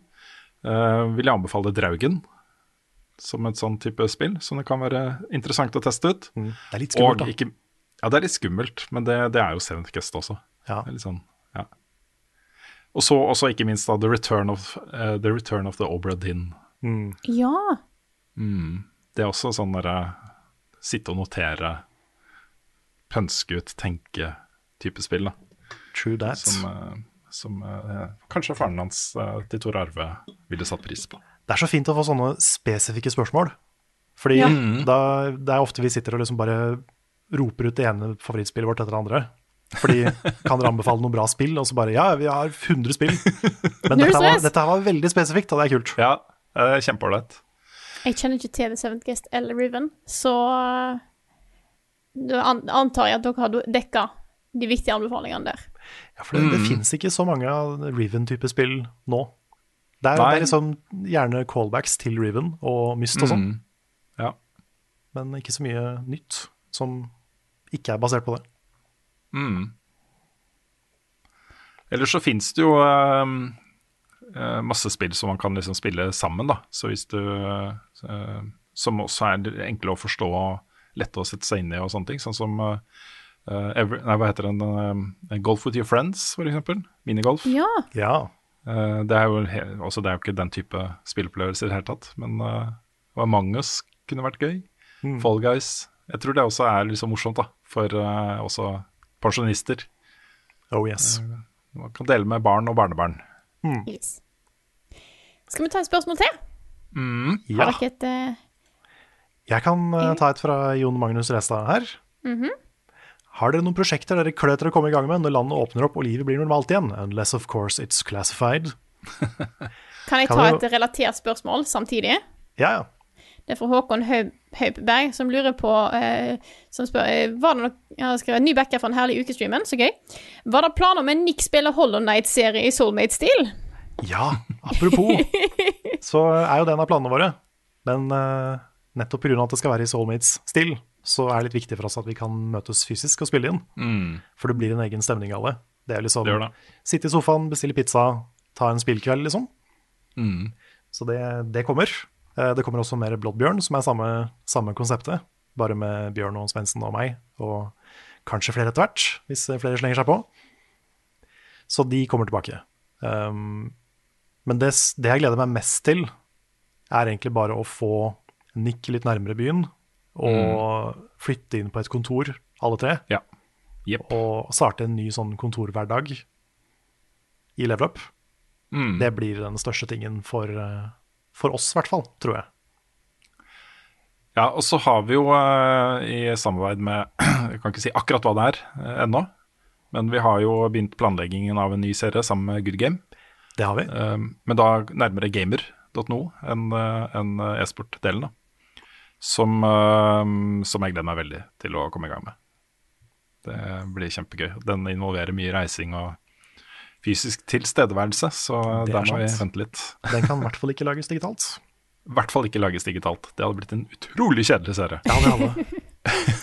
Og jeg gleder meg til jeg kan dra til Oslo igjen, for jeg tror ikke jeg har Mm. vært hos dere nå siden nedstengingen. Nei, når er sist vi så deg? Ja, nei, da jeg Var det julebordet 2019? Nei, det må i så fall ha vært eh, jubileet vårt. Ja, det var det. 2020. Jubileet Februar. 2020 var det. Ja. Det er riktig, for det var rett før. Ja. Mm. Så var jeg en kjapp tur i Oslo i mars. Tidlig mars 2020. Mm. Eh, Men det var en annen setting. Men da tror jeg er da. Mm. Så Det er lenge eh, siden. Ja, det er et år siden. Ja, Savner deg, Frida. ja. Ja. Det blir litt lettere da, at vi sitter med sånn videoprat en gang i uka, sånn som dette er. Ja, Det det det. er liksom du innser at det er ikke helt, det er ikke helt krise. Men eh, Nei. Det blir litt annerledes likevel. Jeg hører om dere som har pizzakveld, så Ja, pizzakveld. du, da du skal få så mye pizza neste gang du kommer til Oslo. Frida. Ja, ja, ja, dytte, dytte i det. Ja, Ellers så går vi går vi og venter på at Eldorado skal åpne, da. Og ha liveshows der og sånne ting. Det blir uh, sjukt gøy, altså. Mm. Det blir kjempemorsomt. Så, så det, det blir et høydepunkt Ja. når det åpner igjen. Men apropos det å sitte på Discord og sånn, det, det hjelper jo veldig med sosiale ting under en lockdown, men det er ikke, he, det er ikke 100% en erstatning, altså. Ikke 100 det samme, det er ikke det. Det er ikke det. Uff, jeg er nesten ikke utafor le- leiligheten her. Nei, samme her. Det er stort sett inne hele tiden. I går hadde jeg en tur ut. Det er fordi at det var noen i nærområdet her som solgte gardiner, og jeg trang nye gardiner til blant annet det rommet her. Så da hadde jeg en tur ut, og da begynte det selvfølgelig å være snøstorm. Så Men ellers er jeg måtte ikke så veldig mye annet enn her og på jobb. Nei. Jeg hadde en sånn uh, opplevelse her om dagen. Hvor Jeg bare våkna, og så bare Jeg må snakke med Charlotte. og, bare, og så fikk vi tatt en prat på Discord, og det var så lenge siden sist. Og det, er så, det, det var så deilig å bare Åh, det fins andre mennesker. Mm, Fortsatt. Det er lenge siden jeg har sett dem, men de fins. ja. Skal vi ta et uh, spørsmål til? Skal jeg Mm. ta et, for eksempel? Vi har et her fra Martin Herfjord. Han spør hva tenker dere om at e-sport er avhengig av pågående spill som League of Legends og CS versus idrett, der fotball har eksistert i 200 år, og alle kan reglene, og ingen eier spillet. Er det greit at e-sport er mye mer eh, skiftende enn idrett, eller trengs et stabilt spelsvar på fotball for å konkurrere ordentlig mot idrett? Det er et utrolig interessant spørsmål. Mm. Martin Herfjord er jo da uh, han som har laget vignettene til uh, bl.a. den spalten du hører nå. Det er det. Så, uh, han er go nok godt kjent for mange. Yes. Jeg, jeg har lyst til å eh, snu spørsmålet litt på hodet. Eh, trenger e-sport å være, bli tatt like seriøst, altså bli sidestilt med annen idrett? Ja, for, for det er jo av natur to litt forskjellige ting, nettopp på grunn av sånne ting som det. Ja, fordi jeg, jeg, jeg, jeg syns de som er- jobber med e-sport, og jobber med liksom eh, å få e-sporten mer anerkjent og, og akseptert da, i samfunnet, er litt for opptatt av akkurat det. At uh, dette er idrett, god damn it. Det er liksom, Hvis sjakk kan være idrett, så kan dette være idrett også. Det må bli anerkjent. Men jeg, er- jeg er enig, enig i det, da. Jo, jo, selvfølgelig. Men jeg, jeg mener e-sport er liksom litt mer sånn som eh, det eh, skateboard og snowboard og ekstremsport var eh, for liksom 10-15 år siden. At det eksisterer liksom på siden av som en sånn kul greie som de som er in the know, de som kjenner til dette her fra før. Så er jo på en måte Sean White og Tony Hawk og de, de var liksom de aller, mye større stjerner da, enn de som løp fort rundt en bane eller hoppet lengst eller uh, disse tingene her. Og det, det, e-sport er litt der. Hvis du ser disse svære turneringene, den ekstatiske stemningen i salen og folk, eh, fansen og sånne ting, er litt mer sånn der ekstremsportlignende enn sånn seriøs idrettlignende, syns jeg, da. Ja, jeg skjønner hva du mener. Det har kanskje mer til felles med det, òg. Jeg, Så ja. men jeg tror likevel at du har Altså, spørsmålet er på en måte hvor Hvor lenge må et spill vare, da, for at det skal på en måte da bli en såpass etablert ting som fotball. Du har jo eh, CS har jo vært en stor ting i e-sportverden veldig, veldig, veldig, veldig lenge. Eh, og du måtte bare fortsette på en måte med samme spill med nyere versjoner. Mm. Eh, Er det noen veldig sånne mainstream populære sporter som får oppdatert regelsett med gjennom mellomrom? du har liksom videodømming i fotball, da, men ikke noe sånn spesielt eh, Ja, Er det liksom noe man kan sammenligne der? Ting som får updates? Nei, det gjøres jo justeringer, men over veldig lang tid. Da. Det er mer en sånn Mm. der naturlig evolusjon hvor, eh, hvor eh, Sånn som eh, V-stil i hopp, f.eks., som Ja. plutselig ble en sånn ting. Det er sant. Uh, men sporten i seg selv endrer seg jo ikke så veldig. da. De skal fortsatt hoppe langt på ski. Mm. Uh, ned i samme løypene og, og, og sånt. Ja. Men, eh, men eh, det er nok litt derfor også, tror jeg, du ser at eh, sånne spill som CS og League of Legends og de gamle traverne liksom fortsatt blir spilt. da. Starcraft. Det, ja, Starcraft er jo fortsatt superpopulært, men det er jo ikke like populært i Vesten lenger. Det er liksom, har litt nedadgående kurve, da. Ja da, både Starcraft 1 og 2, uh, men der har jo Starcraft 1 er jo fortsatt en veldig stor ting. eh, I hvert fall i Asia. Uh, men òg i Vesten har det jo vist seg Var det ikke Og nå, nå syns jeg Nå, nå, nå, syns jeg litt her, og, men jeg tror jeg husker rett, at store, disse sto, en av de store turneringene, eller på en måte aktørene i ak øh, Aktørene innenfor Starcraft 1 bestemte seg for at de skulle slutte å caste Starcraft 1 på engelsk. Nylig. Og der har du et par store For Starcraft har blitt veldig stort i heimen her, nemlig e-sport. Uh, du har et par store aktører der som har på en måte alltid vært. Det er de som driver med, med, med, med Starcraft-casting, både Starcraft 1 og 2. Han heter vel Art- Artorius, tror jeg. Eh, men de gikk jo ut og spurte om kan vi få kan vi få lov til å gjøre det på egen hånd. Eh, og jeg tror de endte med å få lov til å få på en måte streamen uten voice track, og så gikk de ut og på en måte spurte om fans om de var interessert i å betale for dette her. Og da var det helt klar dekning for. Så det er jo helt klart en dekning, eller det er på en måte en interesse for det i Vesten. Så de har jo fått, jeg tror de har fått funding for å gjøre dette her. Jeg er litt på, litt på tynn is her, men jeg er ganske sikker på at det var sånn det var. Eh, Som betyr at det er, jo, det er jo interesse for det, men det er, jeg helt enig, han er ganske Han er jo fortsatt liten, men han er jo helt klart til stede likevel, da. Men ja. Mm. Det var en liten e-sport-nyhet eh, kind of kasta inn der. Prøv, prøv meg så godt jeg kan. Men jeg, jeg tror da at eh, hvis du ser på alle de forsøkene som gjøres på å liksom gjøre e-sport tilgjengelig for folk som ikke er så inne i e-sport fra før eh, Det ble gjort på VGTV. Eh, TV 2 har jo en egen e-sportsatsing nå, med liveoverføring av kamper og sånne ting. Det, jeg, jeg tror ikke at, at e-sport Kanskje til en viss grad, men ikke i like stor grad som fotball f.eks. Mm. Vil nå ut til folk som ikke er aktive uh, selv innenfor uh, den e-sporten. Så jeg tror publikummet er folk som spiller CS, og folk som Ja. spiller League of Legends. er liksom Hovedpublikummet vil alltid være det, tenker jeg da.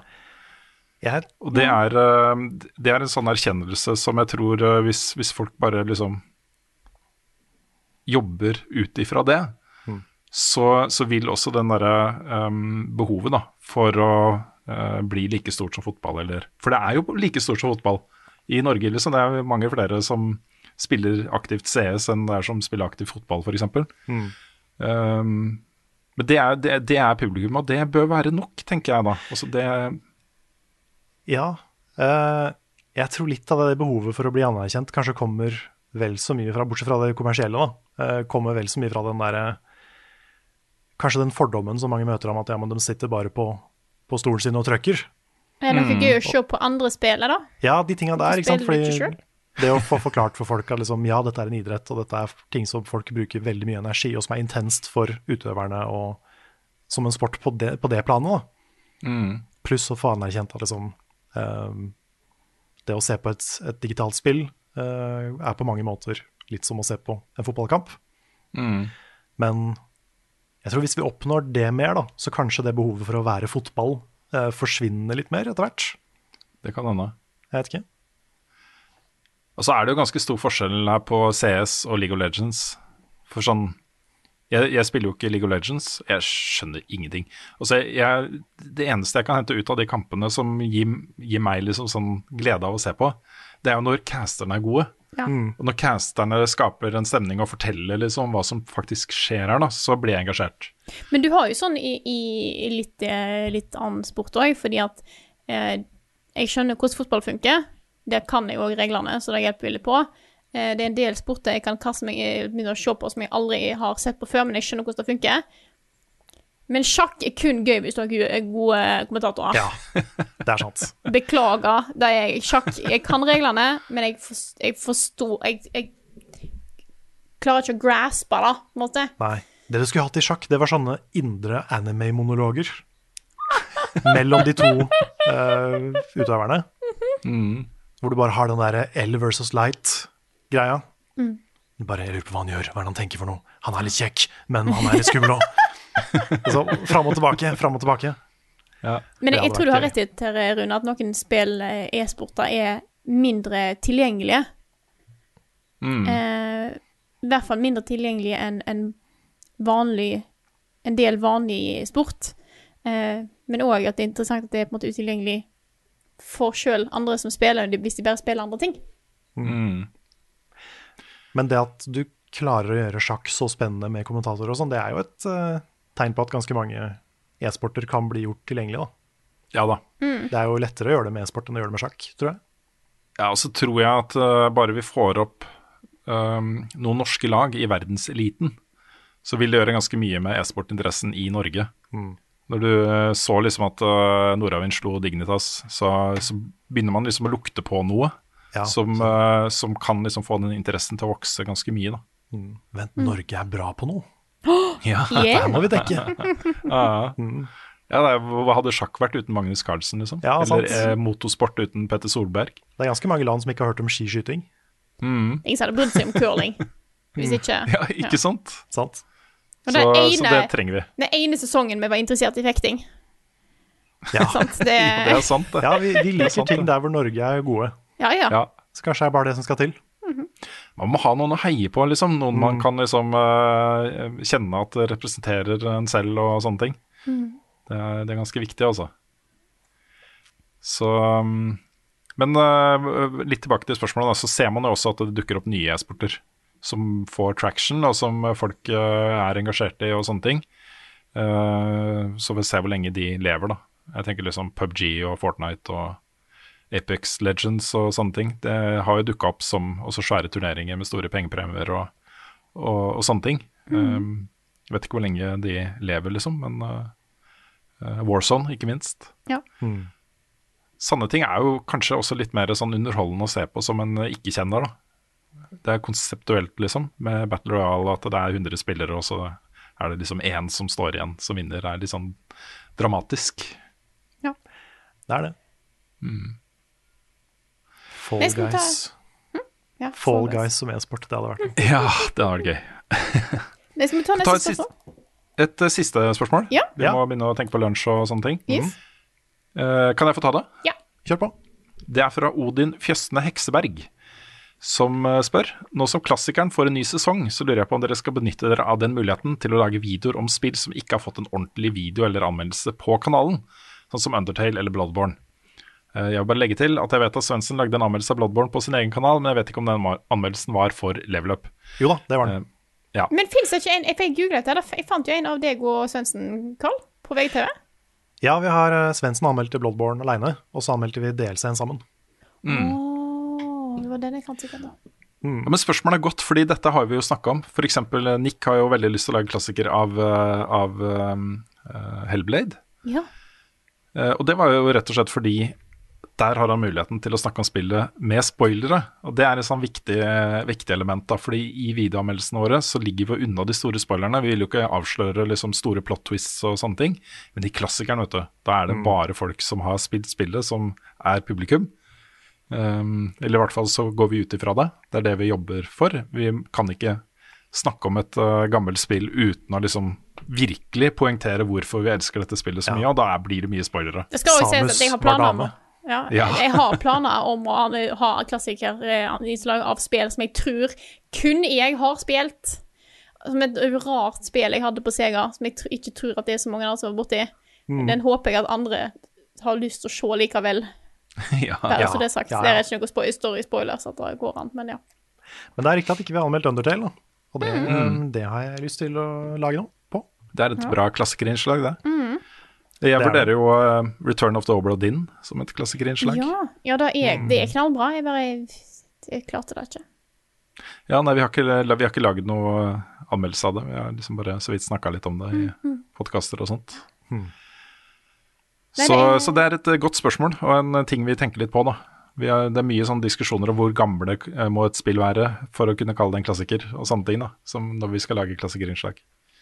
Men uh, vi, vi tenker at, eh, at eh, det må være litt opp til den som lager innslaget. Ja, og hvordan det blir lagd. Mm. Jeg, har, jeg har masse ideer. Nå tar jeg Rayman først, og så ser jeg hva jeg går derfra. Mm. Ja, nei, jeg jobber med både Ratchet Clank og eh, Obra Dinn, er de to jeg jobber med. Oh, Mm. kult. Sweet. Det er jo fristende å lage noen av de gamle klassikerne på nytt også, egentlig. Ja, det også burde være en mulighet. Fordi de var jo så De vi begynte med, var jo så korte innslag som på en måte skulle gå i et ukesmagasin, og vi var Jeg var i hvert fall helt ny på video, så cringer litt av å se det nå. Så det er sånn, Ja. kanskje jeg skulle laga det på nytt.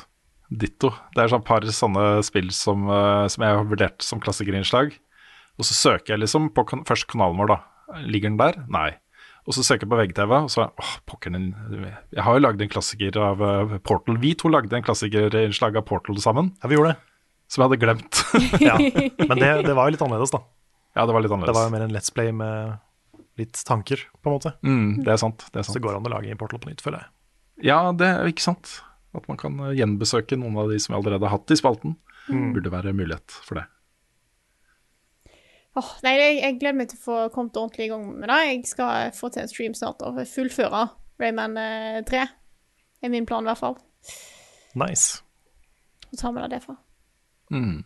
Yes, men da tar vi en runde av, da. Det kan vi gjøre. Yes! Dette her var Level Backup, en podkast utgitt av moderne medier. Låten i introen og outroen er skrevet av Ole Sønnik Larsen og arrangert og framført av Kyosho Orkestra. Vignettene er lagd av fantastiske Martin Herfjord. Du finner mye mer innhold fra oss på youtube.com slash levelupnord og twitch.tv slash levelupnord. Det det blir Det blir vel eh, Det har vel allerede kanskje vært en stream når denne podkasten kommer ut, tror jeg. Det tror jeg stemmer. Mm, og så blir det kanskje en til helga òg, så følg med. Følg med, følg med. Vi har en Discord. Der finnes det en link på både Facebook og på YouTube og litt greier. Eh, så ta og sjekk ut den. Og eh, der skjer det veldig mye gøy. Det er veldig, veldig koselig plass å henge, så bli gjerne med der. Vi har en shop. Shop.spreadshot.no slash levelupnorge. Og vi har en Patreon. Patreon.com slash levelupnorge. Så støtt oss gjerne der hvis du har lyst til å støtte innholdet vi lager. Da setter vi ekstremt stor pris på. Dere er bra folk. Ja, det er helt fantastisk. Og bare en liten oppfordring til å sjekke kortet ditt, fordi det er mange kort som er- løper ut 1. Så um, hvis du fortsatt har lyst til å støtte oss, og jeg er usikker på om det har blitt trukket, så Yes. check your card. Ta en dobbeltsjekk, bare sånn just to be sure. Og grunnen til at vi sier det, er fordi det er ofte sånn 50 pluss personer hver måned som uh, Ja. får avslag på kortet. Mm. Det blir plutselig litt sånn Oi, hva skjer nå? Ja. Så, eh, så ta en liten eh, kikk der, gjerne. Og så Ja, det var vel det vi hadde for denne gangen. her. Så tusen takk til alle som har hørt på. Og så snakkes vi igjen neste uke.